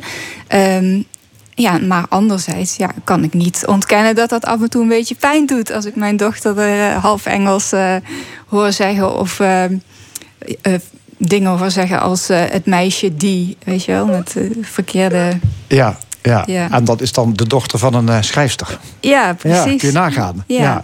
Ja. Björn Bonte, wat, wat valt nog meer op in het taalgebruik van de jeugd van tegenwoordig? Nou, ik vind het op zich altijd redelijk vervelend om te zeggen dat de jeugd van tegenwoordig daar zo eh, schuldig is aan, aan, aan, aan slecht, zullen we maar zeggen, taalgebruik. Ik bedoel, dat gebeurt ook eh, bij volwassenen. Overigens, eh, al die anglicismen, ik geef Nederlands en Engels. het leidt er in ieder geval niet toe dat ze beter zijn in Engels, kan ik je vertellen. Ehm, eh, ik, zag, ik, ik hoorde het net nog hier gebeuren. Het werd hier gerefereerd aan het gebruik van die. Dat gebeurt op de radio, landelijke radio, eh, Radio 2, te pas en te onpas. Het lijkt alsof het woordje dat eh, helemaal verdwenen is. Hoe kan dat? Wat, wat is er aan de hand? Nou, eh, ik denk zelf dat dat een beetje met eh, taalbewustzijn en taalgeweten te maken heeft eerder. Eh, niet zozeer. Mensen weten wel hè, hoe het moet, om het zo maar te zeggen, hoe het, hoe het hoort. Hè. Maar eh, ja, ik weet niet, ze, ze zijn gewend om dat allemaal heel snel te Ja. doen zonder erover na te denken. Groter als hun hebben. Wat, wat, wat, wat, wat doet dat met, met, met u, eh Octavie Wolters? Ehm, wat doet dat? Nou ja. Pijn? Ja, ja, wat ik net ook al zei. Het is een beetje tweeledig. Ik, ik, ik kan enerzijds kan ik wel rationeel zien dat dat, eh, dat dat gewoon aan de hand is en dat dat gebeurt. Eh, en, en daar ook wel de interessante kant van zien. Denk, oh, nou, kijk, ik heb een beetje een onderzoeksbril op eh, wat dat betreft. Van, eh, ah, zo, zo ontwikkelt taal zich dus. Ehm, maar ja, goed, het is, het is wel. eh, Je wordt er niet blij van. het- ja, het voelt af en toe een beetje slordig, ja. Dat, Ja. eh, Ja, dat de- wel. Ja, er zijn allerlei onderzoeken. Hè. De beheersing van het Nederlands onder jongeren die laat eh, behoorlijk na. Vier op de tien leerlingen in het basisonderwijs haalt het streefniveau in taalverzorging niet. Leesvaardigheid daalt sneller dan voorheen. Ehm, hebben leerlingen van hoogopgeleide ouders... spreken die beter Nederlands dan de andere categorie? Björn Bonte? Ik denk het wel. En eh, dat wil niet zeggen dat die kinderen eh, beter, betere hersens hebben of iets dergelijks. Maar eh, die hebben in hun jonge jaren een ander aanbod van taal gehad. Dus die krijgen wat meer nou, taalkapitaal, zal ik het maar noemen. Taalkapitaal krijgen ze mee. En, en andere kinderen krijgen dat misschien minder mee. Ik denk dat je dat in grote lijnen niet kunt ontkennen, inderdaad. Dat, dat je dat merkt. Dat kinderen van hoogopgeleide ouders inderdaad in het aanbod eh, rijker zijn, zijn geweest in, in hun jeugd. Of in ieder geval dat meer aangeboden hebben gekregen. En, en dat je dat dus toch, ja, eh, dat je dat terug hoort en terugleest. Het geldt niet in, voor 100% natuurlijk. Ik denk dat je altijd uitzonderingen op alle manieren kunt tegenkomen. Maar ik denk dat je het algemeen gesproken wel zo kunt stellen. Ja. En dus eh, hebben die kinderen daarmee, hebben deze leerlingen ook een streepje voor? Hebben die, eh, Ik weet het niet. Ik denk dat daar ook een taak voor het onderwijs ligt. Om dat proberen toch enigszins te nivelleren. Ik zal niet zeggen dat je die kinderen moet gaan remmen. Maar ik denk dat je de anderen wel kunt motiveren om... en daar heb je als docent denk ik ook wel een rol in... om, om uit te stralen dat taal wel iets is dat, dat veranderlijk is. En dat je dat ook kunt verbeteren. En eh, door daarin ook een voorbeeld te stellen. En, dat voorbeeld neem ik heel serieus ook in, in mijn klasse. Denk ik wel dat je kinderen eh, kunt meenemen eh, hogerop. Om dat aanbod op dat moment op een school toch te vergroten. Want er zijn genoeg kinderen, zoals Björn ook al zegt, die, die wel de hersens hebben, maar misschien het aanbod niet hebben gekregen. Nou, die kinderen kun je daar echt wel in, in stimuleren en, en, en doen groeien. Eh, dat geldt ook wel niet voor iedereen, maar je kunt nooit voor 100% groepen spreken natuurlijk. Ja. Moet, moeten we alleen wel in staat zijn om ze te gaan laten inzien dat eh, taal ook daadwerkelijk betekenis heeft en belangrijk is. Ja. Die, die bewustwording, dat vind ik wel een heel belangrijke. Ook voor ons als, als docenten, dat we daar ook in de brugklas mee beginnen. Welk vak je ook geeft. Ik denk dat taal steeds het middel waarin het toch gebeurt. Of dat nou op papier is, op scherm of mondeling. Maar taal maakt wel datgene wat je, eh, wat je bespreekt. Ja. Die inhoud. Ja. In België was onlangs een discussie over de vraag of eh, het Nederlands ook niet eenvoudiger kan. Hè? Of je niet eenvoudige regels kan invoeren. Bijvoorbeeld de DT-regel, waar toch vaak eh, jongeren, maar natuurlijk ook volwassenen nog wat de fout in gaan. Ik zag bijvoorbeeld jouw Belgische collega, ehm, Christine Hemmerrechts, ook de veel Wolters, die zei van ja, het zou best anders kunnen. Taal is meer dan spelling. Dus die DT-regel, hij wordt met een D, waarom zou dat niet kunnen? Hoe kijk je daar tegenover, tegenaan? Eh, nou, Christine Hemmerrechts die zei het wel iets genuanceerder. Die Ik zei, probeer het wat scherper te stellen. Ja, ja, ja, dat maar het ging er wel over dat je regels zou kunnen afschaffen. Dat het eenvoudiger zou kunnen. Ehm, dat kan, maar ehm, je moet hoe dan ook regels hebben in een taal. Ehm, welke regels dat ook zijn. Je kan alles wel makkelijker maken, maar de vraag is of dat eh, uiteindelijk. Ik wilde in the end zeggen. maar eh, of dat uiteindelijk dat, ehm, eh, gunstig is voor de taal. Want ik denk ook wel eens dat als je alles maar heel makkelijk maakt, dat je dan ook ehm, zeg maar een bepaald respect verliest voor iets. Je gaat wiskunde ook niet heel eenvoudig maken, omdat mensen het moeilijk vinden. Want dat, is, dat vinden we belangrijk, hè, in scheikunde. Eh, als je continu maar tegemoet komt aan mensen eh, die zeggen van oh, ik, ik, ik snap het niet, of ik heb er geen zin in, of eh, het is te moeilijk. Ja, ik denk niet dat dat uiteindelijk goed is voor een taal. Kijk, ik denk als je kijkt naar hoe snel het Nederlands aan het verengelsen is, mogen we van geluk spreken als we over 50 jaar nog een Nederlandse taal hebben. Of dat het eh, verwoord tot een dialect van, eh, van het grote eh, eh, wereldwijde Engels. Ehm, Ja. Als we maar, dat- ja, ja. maar er zijn ook mensen die zeggen van juist die grote nadruk op die perfecte beheersing van de Nederlandse taal, dat kan leerlingen die misschien moeite hebben met dat Nederlands ook belemmeren in andere vakken. Omdat je misschien dat, dat perfect taalgebruik, dat, dat, dat, dat je creativiteit belemmert. Ja, nou, ja, dat wilde ik zeggen net over Christine Hemmerrechts. Want die zei, ehm, als je leerlingen eh, een creatieve taalopdracht geeft... bijvoorbeeld een, een opstel schrijven, een creatief opstel... dus geen zakelijke tekst...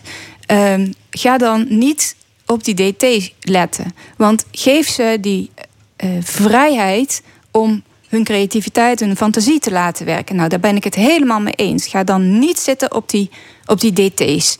Eh, als, als je leerlingen wil laten spelen met taal... of de taal in een kunstvorm wil laten ontdekken. Ehm, dus in die zin denk ik, ja, dan... Ja. Hoe kijken de leraren daar hier aan tafel tegenaan? Dat, dat, wat dat betreft is dat een beetje hetzelfde als wat ze eh, op de, in Hull hè, op de universiteit gezegd hebben. Waar ze ook zeggen van nou ga nou niet meer eh, naar taalfouten kijken als een, als een eh, student een essay schrijft over iets natuurkundigs. Eh, en ik denk dat je het dan, hetzelfde als bij die creatieve opdracht, eh, dan heb je het eigenlijk gewoon over toetsvaliditeit ook. Want je bent niet spelling aan het testen, je bent eh, creativiteit en, en taalvaardigheid aan testen. En taalvaardigheid en spelling, ja, dat zijn ja, heel verschillende dingen. Spelling is daar maar een onderdeeltje van, laat ik zo zeggen. Ja, overigens, je kunt je afvragen of eh, jongeren zich überhaupt nog iets aantrekken van taalregels. Want in appjes eh, komen natuurlijk eh, de meest vreselijke dingen langs. Ik vind het wel leuk om daar iets over te zeggen. We hadden vorige week in een vierde klas werden er eh, presentaties gegeven over taalkundige onderwerpen. Dus leerlingen mochten zelf een onderwerp kiezen. En een van de leerlingen had gekozen voor eh, ja, chattaal, of in ieder geval taal op social media. In ieder geval een hele ruime eh, invalshoek. En daar werden eigenlijk de verschillen getoond van ja, hoe schrijven zij, eh, en ik zeg zij, een beetje oneerbiedig, maar ja, ze voelen zich ook een beetje als een groep. Hè, op dat moment geeft een bepaalde groepsvorming aan. Eh, de taal die ze gebruiken op, eh, in de appjes, dat die wel degelijk verschilde van de taal die ze bijvoorbeeld op school gebruikt. En daar zijn ze zich ook bewust van. Daar zijn ze zich heel erg bewust van. Dit zijn leerlingen VWO 4, dus het zijn leerlingen die ja, toch over het algemeen een, een, een, een hoge opleiding doen. Die zich daar misschien ook wat makkelijker eh, toe laten leiden om dat verschil te maken. Maar ze hoeven niet bang te zijn dat dat appgebruik dat dat dadelijk doordringt in eh, Ik denk dat zolang je daar in het onderwijs papers. aandacht voor hebt dat het bestaat en leerlingen bewust kunt laten zijn van de verschillen in, in taalvormen, want daar hebben we het in feite over. Eh, het is net als ja, eh, anders praten met een collega of met, met je kinderen thuis. Of eh, dialect spreken met de een en met de ander niet. Dat zijn toch verschillende manieren waarop je met taal omgaat. En zolang leerlingen zich daarvan bewust zijn en wij ons met z'n allen daarvan bewust zijn, denk ik dat er geen groot probleem is. Ja. Ze, ze houden zich trouwens in die, in die laten we het sms-taal noemen of internettaal, niet eh, per se aan de standaard Nederlands regels, maar ze houden zich wel aan allerlei regels. Ze creëren hun eigen nieuwe regels. Eh, David Crystal heeft daar van alles over geschreven, weliswaar over het Engels, maar toch. Eh, dus het is niet zo dat dat nou opeens armoedtroef is in die, in die sms-taal. Er Ja. gebeuren gewoon andere dingen. Ja, maar goed, ik mis wel de interpunctie en de hoofdletters en dergelijke. Maar ja, daarvoor Ja. behoor ik dan eh, Ja, maar- tot een andere categorie. Wij, precies, dat is Ja. een andere groep, ja. Ja. Eh, naast hoogopgeleiden zouden ook witte mensen bevoordeeld worden door de standaardtaal. Ehm, de afgelopen maanden is er een discussie ontstaan over de witte dominantie. Eh, onze taal zou gedecoloniseerd moeten worden. Ehm Octavie Wolters, kun je daar iets bij voorstellen? Nou, ik wil eh, als allereerste zeggen dat ik van mening ben dat op het moment dat iemand, een bevolkingsgroep, last heeft van iets of zich eh, rot voelt bij bepaalde woorden of bij bepaald taalgebruik, dat voor mij voorop staat dat we daar dan iets aan moeten doen. Dan moet dat aangepast worden. Het kan niet zo zijn dat we, terwijl we weten dat iemand ergens problemen mee heeft of zich in een hoek gedreven voelt door bepaald taalgebruik, dat we daar dan wel mee doorgaan. Ja, ja een voorbeeld eh, wat gebruikt werd bijvoorbeeld ehm, is... eh, dat, dat komt uit de handreiking Waarde voor een Nieuwe Taal. Die is bedoeld voor de kunst- en cultuursector. En daar wordt gezegd... het bijvoeglijk naamwoord zwart, als dat negatief bedoeld is... moet het vermeden worden. Dan heb je het bijvoorbeeld over een zwarte bladzijde... zwart geld, zwart rijden. Daar zouden we vanaf moeten.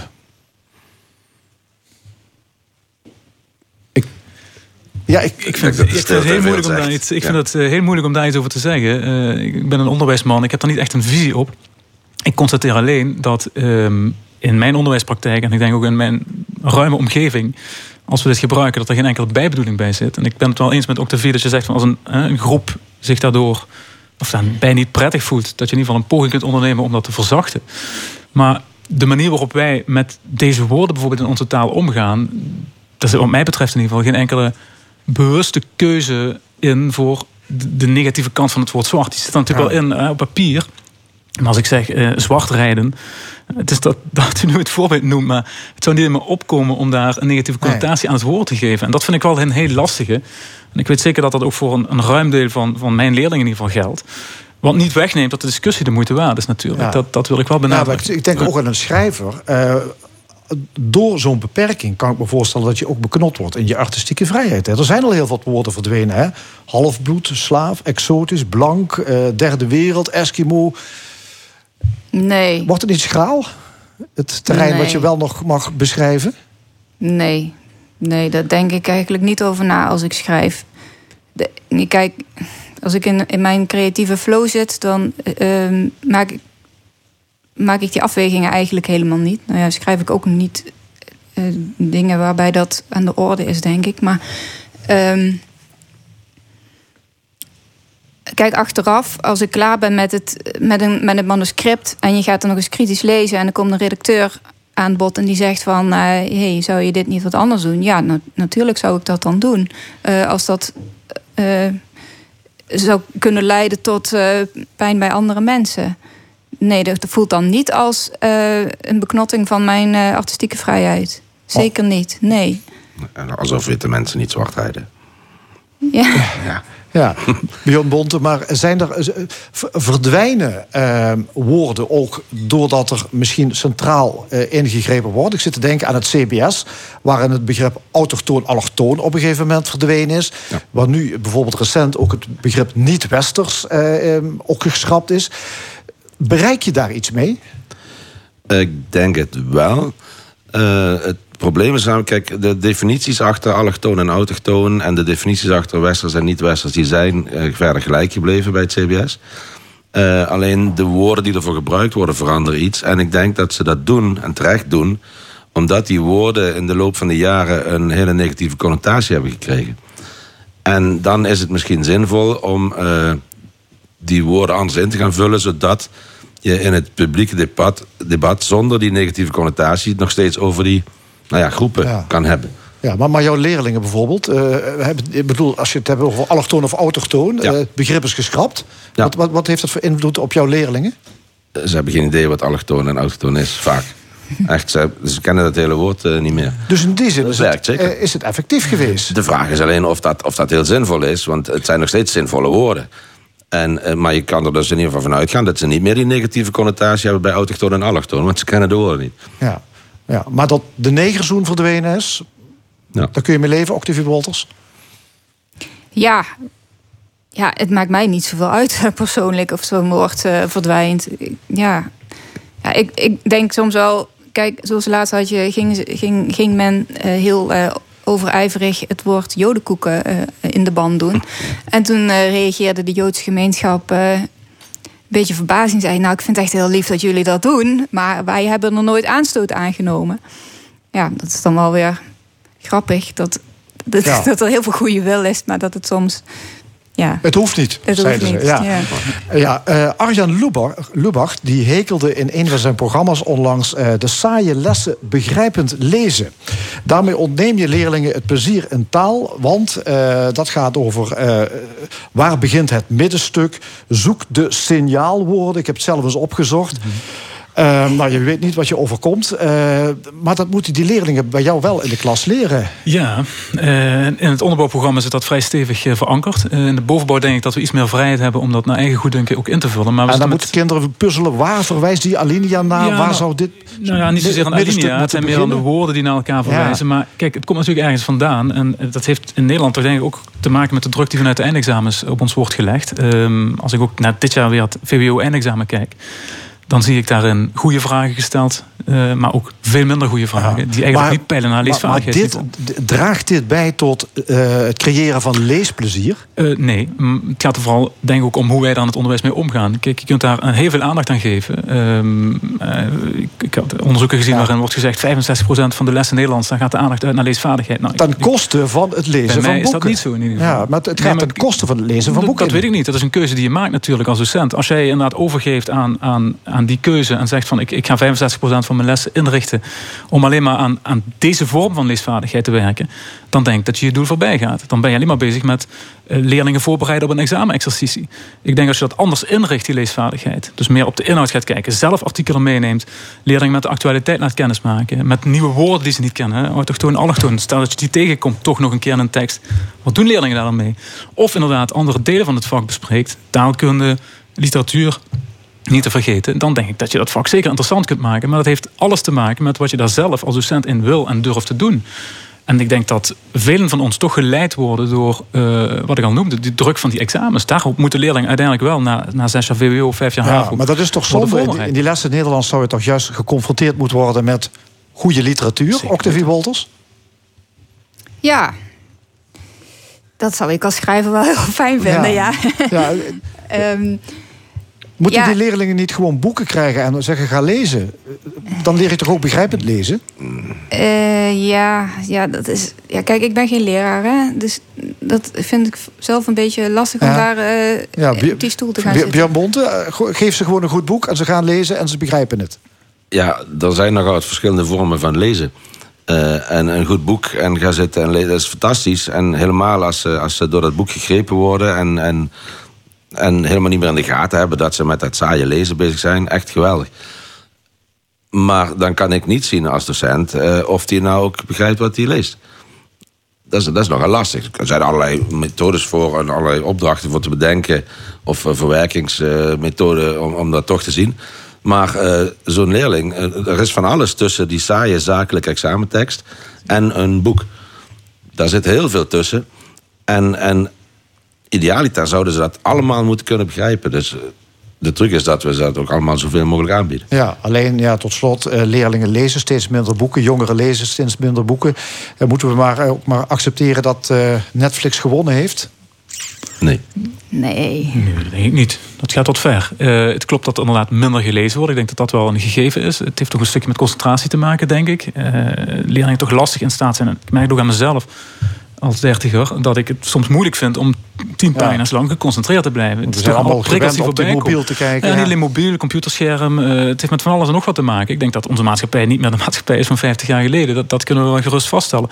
Maar om dan de hoop op te geven dat er een kentering zou kunnen plaatsvinden, dat lijkt me wat te ver gaan. Ik denk dat we zeker in staat kunnen zijn, en daar zie ik voor het onderwijs wel een voortrekkersrol weggelegd, om, om leerlingen te, te blijven motiveren en te laten zien wat de meerwaarde is van literatuur, geschreven literatuur, boven alleen maar visuele prikkels, die vanuit een, een Netflix bijvoorbeeld voortkomen. Ja, en ja. ik denk dat we per jaar toch weer veel leerlingen bereiken eh, die, die daar eigenlijk die meerwaarde ervan inzien. Geef ze boeken.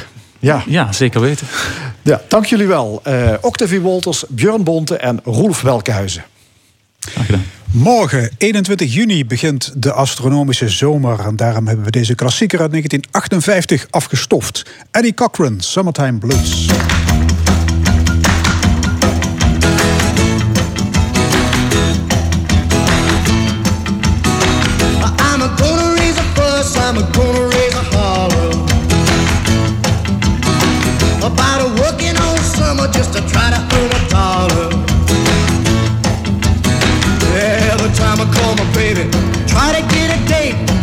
Says, No die, son, you gotta work late. Sometimes I wonder what I'm gonna do, but there ain't no cure for the summertime blues.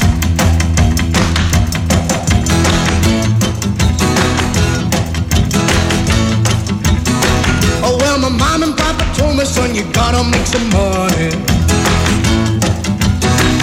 If you wanna use the car to go a ride next Sunday. Didn't go to work, told the boss I was sick. Now you can't use a car cause you didn't work a leg. Sometimes I wonder what I'm gonna do, but there ain't no cure for the summertime blues.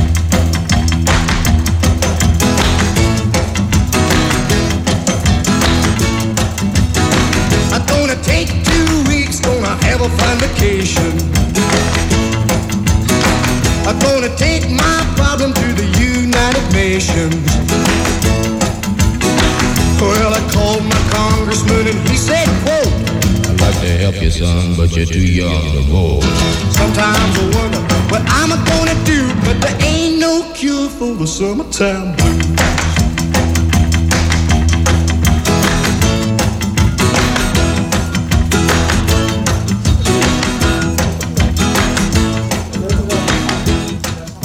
Een nummer van nog geen twee minuten. Summertime Blues van de Amerikaanse rockabilly-zanger Eddie Cochran. U luistert naar L1, meer speciaal naar de stemming. We zijn er iedere zondag van 11 tot 1.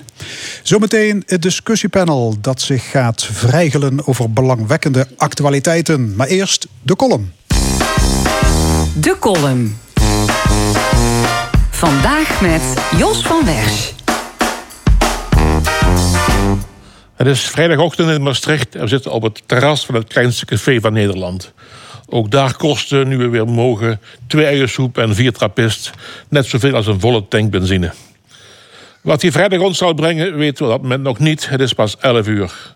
Zou Joep nog iets in petto hebben, mompelt de journalist met wie ik die ochtend heb afgesproken op dat terras. Het is inderdaad al een week of twee geleden dat Joep Dome, de patroonheilige van de onderzoeksjournalisten, iets van zich heeft laten horen. Mij persoonlijk komt dat heel goed uit, want ik had er echt geen zin in om vandaag alweer te hebben over onze Ger, onze Herman, over onze Siebert. We weten het onderhand wel. Nog afgezien van de heilige verklaring van onze Pieter, die door zijn normale werkzaamheden al overspannen raakte, laat staan als partijleider was een veegteken dat hij begon te janken toen hij de strijd had verloren van onze Hugo. Maar ondanks zijn zware burn-out herpakte Pieter zich manmoedig en schreef en een boek en een jacuzzi van het Enschedese hospice. Want volgens onze Wopke is onze Pieter bijna terminaal. Zo niet onze Gerrit Venlo, voorheen Velden. Net als de voortvluchtige militair Jurgen Konings houdt Koopman zich al maanden schuil. Niet in de Belgische Kempen, maar in het Venlose natuurgebied de Muscheberg. Achter dikke hoogstambomen van het IKL.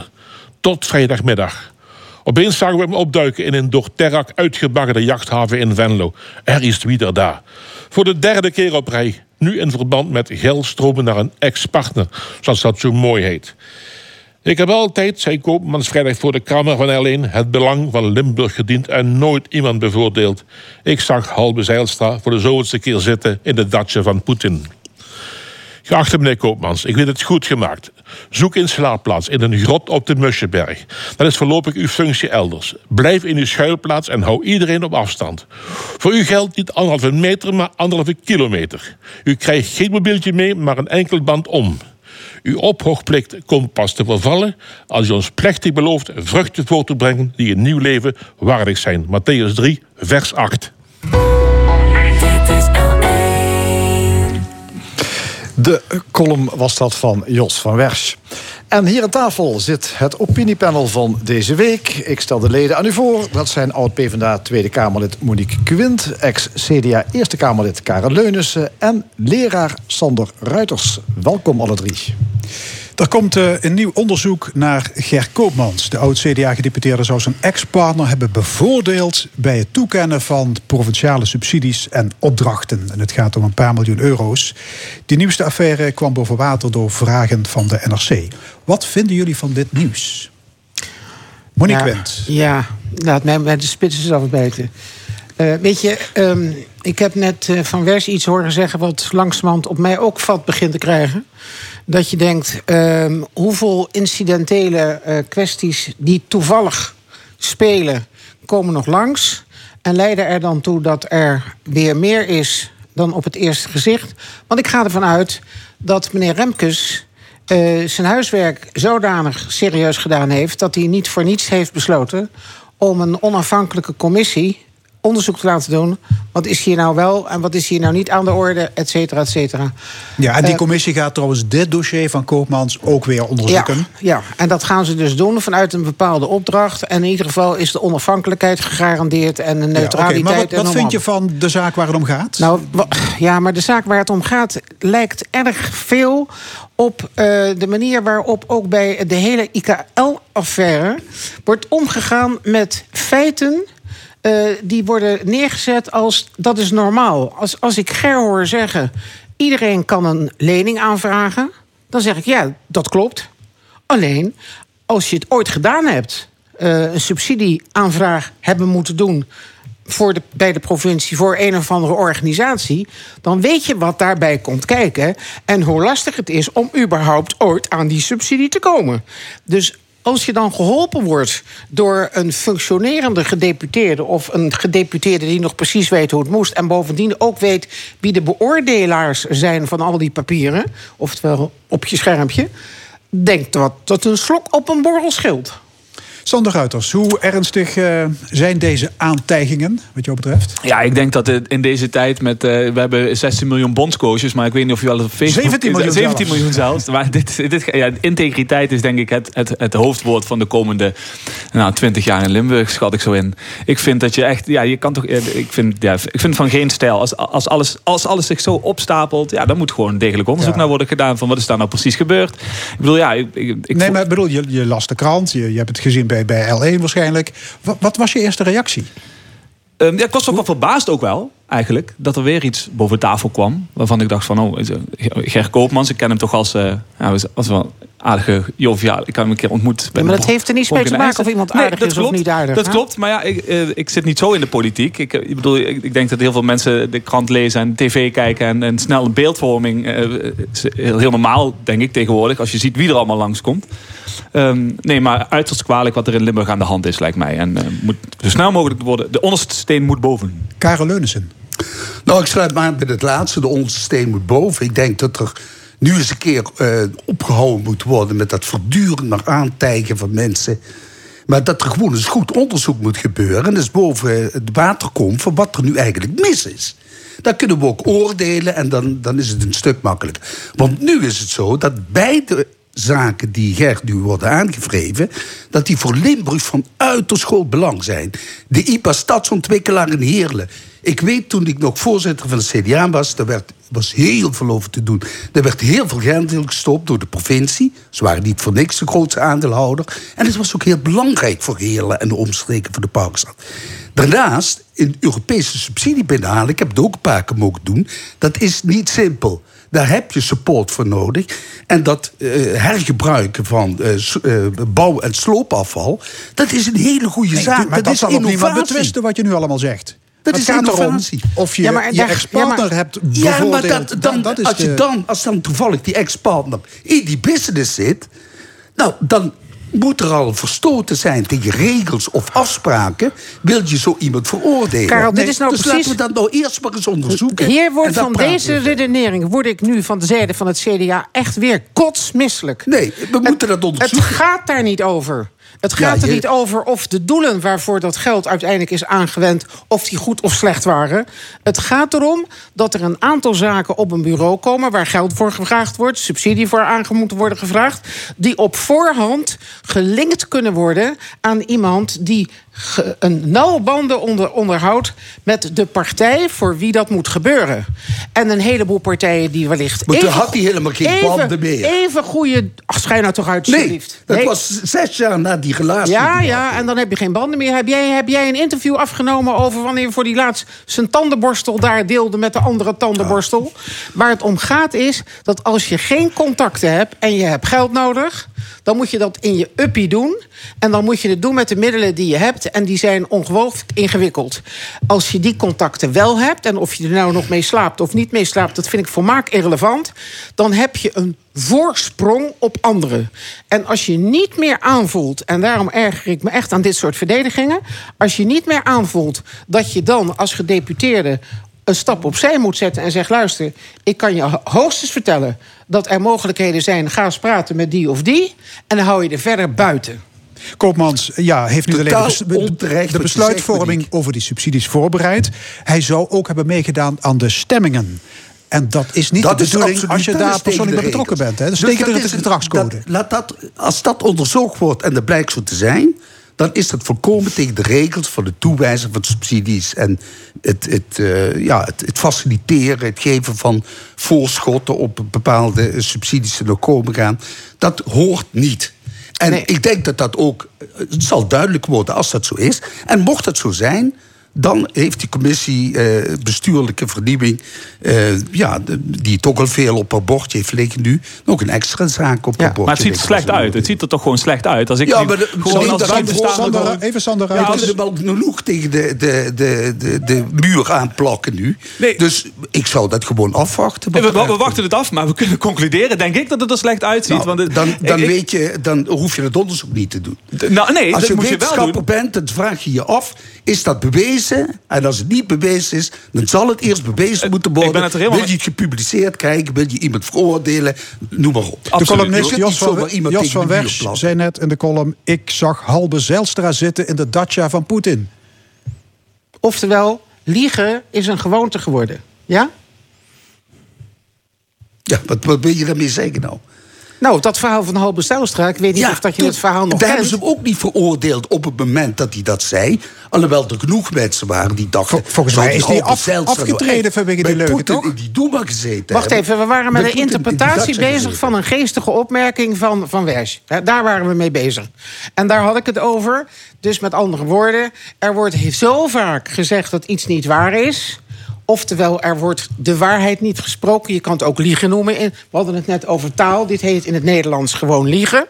Eh, dat langzaam maar zeker, en daarom ben ik het met Sander eens... de mensen het gevoel krijgen dat langzaam maar zeker... over van alles gelogen Ja, wordt. maar neem nou die, mond, Ja. die man met die mondkapje. is precies hetzelfde Precies verhaal. hetzelfde. Die hoort die meneer Siebert over- van Linden. Ja, Ja. hetzelfde verhaal. Ik snap niet dat in deze tijd... Ik bedoel, kom op. eh, le- leg nou gewoon op tafel wat er aan de hand is. Ik, kan- ik kan me daar wel aan ergeren. Ik, ik voel me altijd wel... Ik, ik heb ooit één keer subsidie aangevraagd in Heerlen. Nou, ik me nog nooit zo zenuwachtig gevoeld. nog nooit. Ik dacht bij elke euro, ik moet dat verantwoorden. Ik moet dat opschrijven. Help. Ik, ik, ik vind... eh, Ik zou zeggen, Sandra, hou die mentaliteit. Ja, ik Lijkt hou me die heel mentaliteit belangrijk. vast. En Koopmans is natuurlijk een doorgewinterd politicus en bestuurder. Ja, wat wil je daarmee zeggen? Dat, dat die beter zijn in liegen? Liegen kun je pas constateren als je de waarheid kent. Als jij niet in het bezit bent van de waarheid, geen kennis hebt van die waarheid, kun je niet constateren of iemand liegt of niet liegt. dan Als jij maar voorschot neemt op de uitkomst van hun onderzoek en zegt die koopmans heeft van de boel staan liegen en ik weet wanneer die daar. eh, Nee, eh, dat die heb ik allemaal niet gezegd. Dat zijn jouw woorden. Nou, dat is dan je- aan jou, Malik, maar niet Karel, zo ver ga ik niet in de constatering. Wat ik gezegd heb, is dat mensen die heel dicht bij een dagelijks bestuur staan, of het nou een gemeente is, of een provincie, of het is het Rijk. Als je met die mensen een dusdanig contact hebt en ze weten dat jij op zoek bent naar geld of subsidie of weet ik wat, dat je dan een voorsprong hebt. Dat is precies wat ik gezegd heb. Je kan het terugluisteren. Boven mensen die die contacten niet hebben. Ja, maar Dan, dan weet je, hieruit blijkt dat je geen flauw benul hebt wat het inhoudt om een Europese subsidie aan te, eh, aan te vragen. Het is namelijk niet zo dat je de provincie moet kennen en daar mensen moet kennen, maar dat je geholpen wordt om een competitief voorstel in te dienen bij de EU. en wie ten weet- opzichte van mensen uit andere landen. Ja, maar en, dat wie is weet, tough en wie weet het beste hoe die spelregels eruit Nou, je zien? moet gewoon, het is zo'n brei van, van eh, Ja, bureaucratische ja. brei... En- dat je en- daar gewoon niet doorkomt. Daar heb je echt hulp voor nodig. Ja, Karel. Maar het En dat heeft de provincie geboden. En dat was hun ook geraden. Want daarvoor zijn ze op aarde hier. Ja, volgens mij zijn we rond. Hè? We blijven nu... eh, Nou, rond. nou ja, ik hoor dezelfde argumenten nu over en weer. Hè? Ja, ik, ik heb de indruk dat we dus eh, Ja, toch... Vlieg ook hetzelfde. Ja, ik Ja, heb de we komen indruk- er ongetwijfeld op terug als het onderzoek Ja, klaar zeker. is. Ja. Eh, we gaan naar ehm, komende zaterdag. Eh, want dan verdwijnt de mondkapjesplicht. En er vervalt ook het advies om thuis te werken. Eh, wel dat laatste op voorwaarde dat je dan al anderhalve meter afstand kan houden op je werkplek. Ehm, wat overheerst bij jullie? Eh, de blijdschap over die mondkapjes die er eindelijk eh, af kunnen? Of eh, misschien toch iets van zorgen van gaat het niet te snel? Je weet het Ik heb een niet. advies. Ik heb een Ja. advies. Ik, heb, eh, ik werk op de Toneelacademie aan het conservatorium. Eh wij zijn open gebleven. We hebben alleen de eerste lockdown heel even thu- thuis gebleven. Wat trouwens wel interessant was. Hele leuke dingen gedaan in het onderwijs. Fijn dat dat komt. Maar daarna zijn we open gegaan. En ehm, eh, heel fijn. Voor de studenten fijn. Voor, voor ons ook wel fijn. Ik kon ergens heen. Iedereen zat thuis. Wij waren fijn les aan het geven ehm, in het HBO. Eh, eh, praktijkonderwijs. Maar toen brak natuurlijk corona uit. Op al die plekken is corona uitgebroken. En ik ben de gelukkige geweest die het heeft gehad. Ehm, ik zeg het voor de grap gelukkig, want ehm, ik, ik proef niks meer, Frank. Niks. Ik kan geen ui, ei, paprika. Nou, ik kan je een hele lijst geven met wat ik niet meer kan eten. Ehm, dat is een first world problem. Er zijn veel ergere dingen op de wereld, dat weet ik ook. Maar ik ben gelukkig ook geen uiteter. En dan kom ik wel eens vrienden van me tegen en dan vertel ik dit. En dan zeggen ze, nee, ik zou daar depressief van worden. Dus voor alle mensen die daar depressief van worden... hou je nog een beetje je gemak. Zou ik als advies willen geven. Voor de rest ben ik blij dat we dat, we, dat, er, dat er versoepelingen zijn. Maar het is echt ongelooflijk wat je proeft. Ik kan Ja. het niet beschrijven. Je proeft, Dus, eh, je ja, proeft het niet meer. Nee, nee, ik- ik proef iets zo vies, Frank. Het is, ja, ik kan dat niet omschrijven. Ja, ik, ik kijk heel graag naar het Nederlands elftal met een paprika chipje en een colaatje. Maar echt Coca-Cola en cola überhaupt is echt niet meer... ik kan het niet omschrijven hoe, hoe, hoe vervelend het is. Ja, ik, ik zit in het water, heerlijk. Zo gezond, kan ik zeggen. Ja, ja. Dus jij zegt ja, ja, wel blij dat het verdwijnt. Absoluut. Maar ik toch, denk dat het voor heel veel mensen fijn is, maar hou, hou, hou, hou, hou, hou het in de gaten. Ja, hier, hier, eh, de, de, de- Nou, wat, wat, eh, wat mij in deze maatregelen het meest opvalt... het is dat eh, het end samenhangt met de noodzaak... om met de naderende vakantie, of de vakantie die al begonnen is... eh, de mensen iets te gunnen. Eh, dat proef je eh, aan de woorden die worden gebruikt. jij vindt dat te toevallig. Dat, dat nou, we nu versoepelen en dat eh, de vakanties eraan komen. Ik, ik denk dat het psychologisch heel begrijpelijk is dat je met de dalende cijfers en de behoefte van heel veel mensen die dat ook laten blijken om eh, weer eens even wat meer lucht te krijgen en dingen te mogen, dat, dat is alleszins begrijpelijk, dat is het punt niet. Wat ik alleen vandaag alweer op de radio hoorde, dat er alweer een school is waar men de mondkapjes had afgeschaft, waar weer zoveel besmettingen, de mondkapjes gaan weer op. En eh, wat ik Dat was in Israël, geloof ik. Ja. ja in Israël. Ja. eh, en wat ik al eerder heb gesuggereerd, en dat, dat blijf ik eh, zien als een risico. Men gaat op vakantie, gooit alle trossen los. Men moet eens even flink de, de, de bloemetjes buiten zetten. Ja, en die Delta-variant, die, die gaat gewoon door. En ik denk, ja, als je niet verplicht stelt als je terugkomt van eh, vakantie. Nempot waar je geweest bent, want je gaat om met toeristen die komen uit eh, alle delen van de wereld. Ehm, dan zou je, wat mij betreft, gewoon even een plicht hebben om te testen. Ja. En als we dat niet doen, dan heb je dus weer het risico dat je ergens in de herfst overvallen wordt met iets waar je niet op rekent. Ja, Nederland was een van de laatste landen die de mondkapjesplicht heeft ingevoerd. We zijn nu ook een van de eerste landen die besluit om er alweer mee te stoppen. Karel Leunissen, is het niet, eh, gaat het niet wat snel? Ik denk niet dat het snel gaat. Daar waar de mondkapjes toch nodig zijn, zijn ze ook nog voorgeschreven. De openbaar vervoer. Eh, binnen eh, crowded areas waar je eh, eh, binnen de anderhalve meter komt. En, eh, hè, dus waar de, de regel van anderhalve meter niet te handhaven is. Dus het is wel verstandig. Ja, dan moet je ze wel Vind gebruiken. Ja. Maar in het algemeen denk ik in de buitenlucht zeker dat je die mondkapjes rustig kunt afleggen nu. Dat dat ook niet eh, zoveel extra's meer doet aan de besmettingsgraad. Als je ze wel zou gebruiken. Dus in die zin vind ik het goed dat ze nu aan het versoepelen zijn. Het kan gewoon qua cijfers. Maar ik ben het wel met Monique eens, deze keer wel. eh, Dat het heel belangrijk is om die Delta-variant heel goed in de gaten te houden. En alle focus te zetten op vaccineren. Iedereen moet twee prikken in zijn donder hebben gekregen. Voor het eind van de augustus.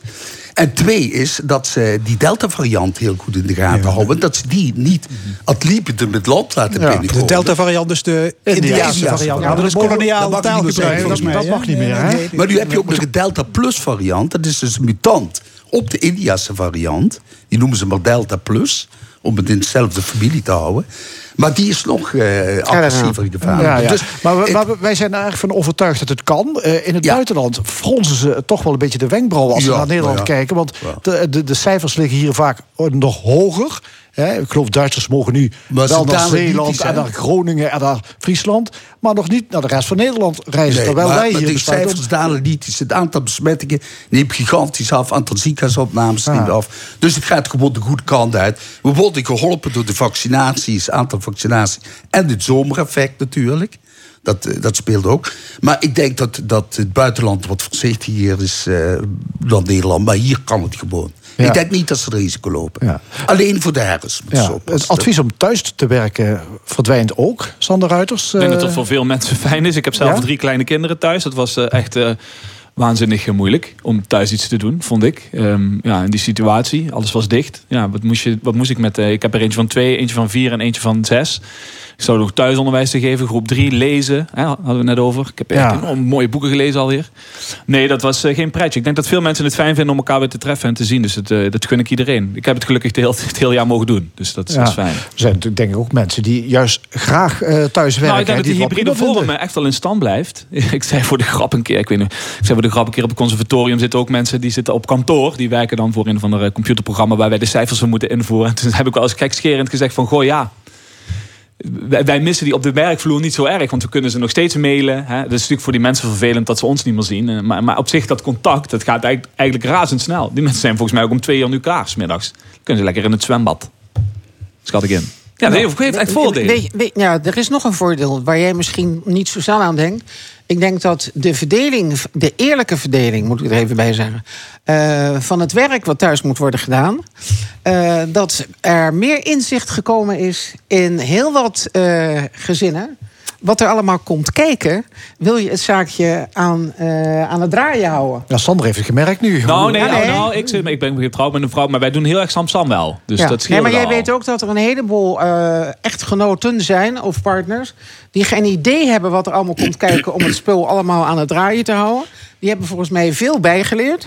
Eh, en ik denk dat veel dames, veel vrouwen hebben geleerd dat ze niet altijd alles eh, op hun eigen nek moeten nemen en het gewoon ook over moeten laten, omdat die partner sommige dingen Het gewoon coöperatief ook kan, werken viert hoogtijden. misschien zelfs Ja. beter kan. Dus het wordt nog eens wat. Ja, wie weet. Ja. Dan eh, de partij, de politieke partij die in zwaar weer verkeert, het CDA. Karel Leunissen, je bent oud-voorzitter van het CDA Limburg. Is dit de wet van Murphy of zit dit veel dieper? Legt Nou. alle gedoe van de laatste tijd een fundamenteel probleem bloot? Nou, ze zijn de, de verkeerde weg ingeslagen, denk ik. Eh, op een gegeven moment, en dat is in 2010 al begonnen eigenlijk... is het gewoon misgegaan. Kijk, wat eh, Jeroen Leenaars vanochtend zei... het CDA bestaat uit verschillende stromingen. De twee mainstreams zijn eigenlijk de conservatief-christelijke stroming... en de andere is de sociaal-christelijke stroming. Die sociaal-christelijke stroming, die, die botsen voortdurend. En dan is die weer, kiezen ze voor die lijn en dan kiezen ze weer voor die lijn. Het nieuwe partijprogramma, het nieuwe partij, eh, de basis van de partij, liggen in het rapport zij aan zij. En dat spreekt veel meer voor de sociaal-christelijke democratie. En dat rapport hebben ze mooi in de kast gelegd. En niet al te zeer naar gekeken. Pieter is daar eh, van die sociale christelijke stroming eigenlijk toch min of meer de leider van. Terwijl Wopke Hoekstra in de verkiezingen nu een totaal andere move genomen heeft. En eigenlijk ook, ja, die had het over eh, de WW verkorten. De minimumloon niet in, de verhoging van het minimumloon niet invoeren. Ja, dat is bij heel veel mensen van de sociaal-christelijke democratie... is dat in de verkeerde keel geschoten. En er zijn nu ook uh, ja, geweldige botsingen die, die niet in de media komen. Maar binnen de partij heb je enorme botsingen. En vandaar ook dat de sociaal-democratische vleugel... het partijbestuur heeft gedwongen om op korte termijn, acht weken, een congres te houden. En als dat pas in september gebeurt, dan sluit ik het zelfs niet uit dat er een kort geding komt waarin het partijbestuur gedwongen wordt om dat eerder te organiseren. Er leeft namelijk het idee, je moet een congres houden om af te rekenen met uh, datgene wat fout gegaan is. Dus een soort uh, uh, journey to the bottom. Hè. En dan daarnaast heb je nog een congres, congres nodig om de zaak weer op te bouwen. Een opbouwcongres. Monique Quint, Ja, je bent eh, van de Partij van de Arbeid, zal ik ja, er even bij zeggen. en- hoe en- hoe kijk en- jij hiernaar? Eh, ik denk dat ehm, eh, de problematiek waar we in dit land mee zitten... eh, dat heet volkspartij, eh, zoals die ontstaan zijn... ehm, en samengingen met zuilen. En die zuilen die, eh, waren van meet af aan bedoeld... om allerhande soorten van spanningen ehm, binnen de zuil zodanig te bespreken... dat er een lijn werd getrokken waarmee men vervolgens de gesprekken met andere partijen aan kon gaan. Eh, dat werkte in een periode dat onze samenleving compleet anders in elkaar zat als nu. Dus dan heb je te maken met een geïndustrialiseerde maatschappij met een bourgeois boven, bovenlaag. eh, met werknemers tot en met eh, arbeiders die ehm, eigenlijk het grove werk deden en nauwelijks opleiding hadden, die vaak als kind al gingen werken, et cetera. Dus ik praat nu echt over de tijd waarin dit allemaal ontstaan is. Eh, ik bedoel, de Kuiper en Schaapman zijn gewoon de geestelijke vaders die toen gezorgd hebben dat eh, religie eh, samen met positie in de samenleving in een politieke vertaling landde. Wat hebben we nu voor een samenleving? Een compleet andere. Een heleboel jongeren, waar het net over ging in de discussie over taal. Als je tegen die zegt dat is een confessionele partij, dan kijken ze je aan en dan zeggen ze: kan je dat eten? Die weten überhaupt niet wat het is. Laat staan dat ze nog een beeld hebben bij wat religie is. Maar wilt u daarmee zeggen dat het fenomeen politieke partij achterhaald is? De politieke partijen die gebaseerd zijn, dat geldt evenzeer voor mijn eigen partij. Dat is een volkspartij, die is opgericht om de sociale strijd te voeren. En ik zeg wel eens tegen partijgenoten: jullie gaan opnieuw de barricade op. Mag ik even weten, hebben we dan tot nog toe alles voor niks gedaan? We hebben dat toch allemaal al gerealiseerd. Dus waarom in godsnaam die oorlogstaal? Ik snap daar niks van. Ik heb vandaag weer oorlogstaal hier gehoord. Dus we, we hebben die dingen met volkspartijen bereikt. Ook door samen te werken als volkspartijen. En wat je dus nu merkt is dat er.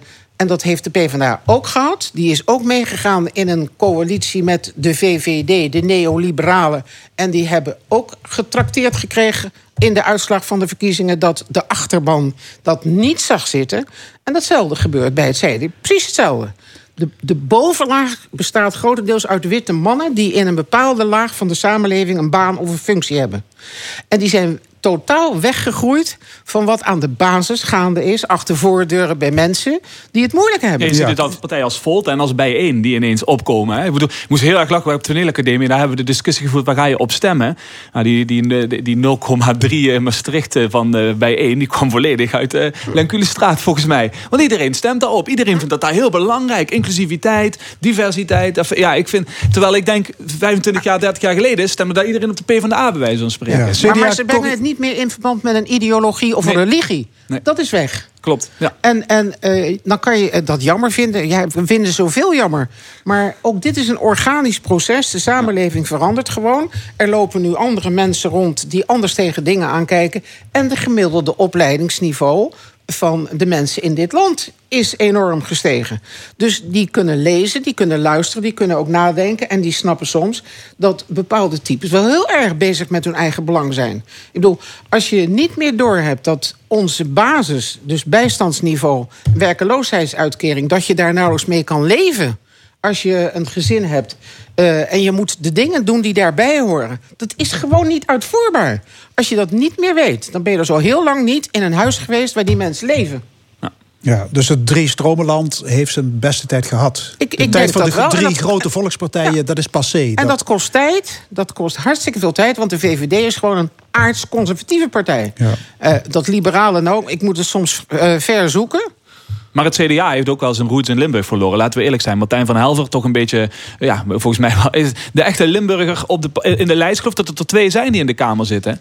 En dan trekt Martijn ook nog... van Helver zit er niet meer Nee, in. hij zit er niet meer in. Dus, Ze eh, op een onverkiesbare plek gezet. Eh, toch, het, eh, bedoelde, maar en, en, en het feit dat Pieter Omtzigt volgens mij vijf keer eh, vijf zetels eh, binnenhaalde. Nou, trekt hij er nog eens van af. Dan zou je die meneer uit Venlo die er nog in zit ook eh, nog kunnen wegstrepen. Ja, bedoel, Le- Leo Frisse die constateerde al in 2010 dat het CDA een elitepartij is geworden. Losgezongen van achterban, achterland en geschiedenis, Karel Leunissen. Had hij een punt? Nou ja, goed, dat, dat is wat Monique net zegt. Dat in die top van die partij zitten natuurlijk ook wel mensen uit dat sociaal-democratische stroming. Maar dat zijn toch mensen die, die erg begaan zijn met de beeldvorming, met het behouden van de positie, het zijn van een machtspartij, meetellen in het, in het bepalen van welke richting gaat het land uit. En dat, ik denk dat je dat ook goed ziet bij Hoekstra, die, die toch heel sterk aangehoukt is, ook tegen Mark Rutte, om samen met de VVD op te trekken. En daar, daar ziet hij toch eh, alle positieve zaken van in, alhoewel hij dat niet duidelijk zegt. Maar eh, ik geloof wel dat dat het geval Maar, is. maar juist dat is wat ik niet helemaal snap. Samen heeft eh, het CDA met de VVD eh, en D66 49 zetels. Ehm, en dan doe ik niet zo misselijk dat ik zeg... bij het CDA moet je er eigenlijk vijf aftellen. Want Nee, nee. Die, die tellen Dus we erbij. 49. Die twee, waarvan bekend is dat die hebben gezegd... wij laten elkaar niet los, GroenLinks en de Partij van de Arbeid... hebben er, er 41 samen met D66. Dus met andere woorden, als, als er in het kabinet... bestaande uit die vijf partijen... als het erom gaat wie aan het langste eind trekt... dan zijn dat dus de behoudende twee aan de rechterkant. Dus ik begrijp bij God niet waarom men zo bang is. Dan kan ik eh, van alles nog bij, bij bezinnen. En dan denk ik, er is dus een soort blinde vlek voor GroenLinks. Dat weet ik intussen. Ehm, maar is dat een reden om je onverantwoord te gedragen... zoals op dit moment gebeurt?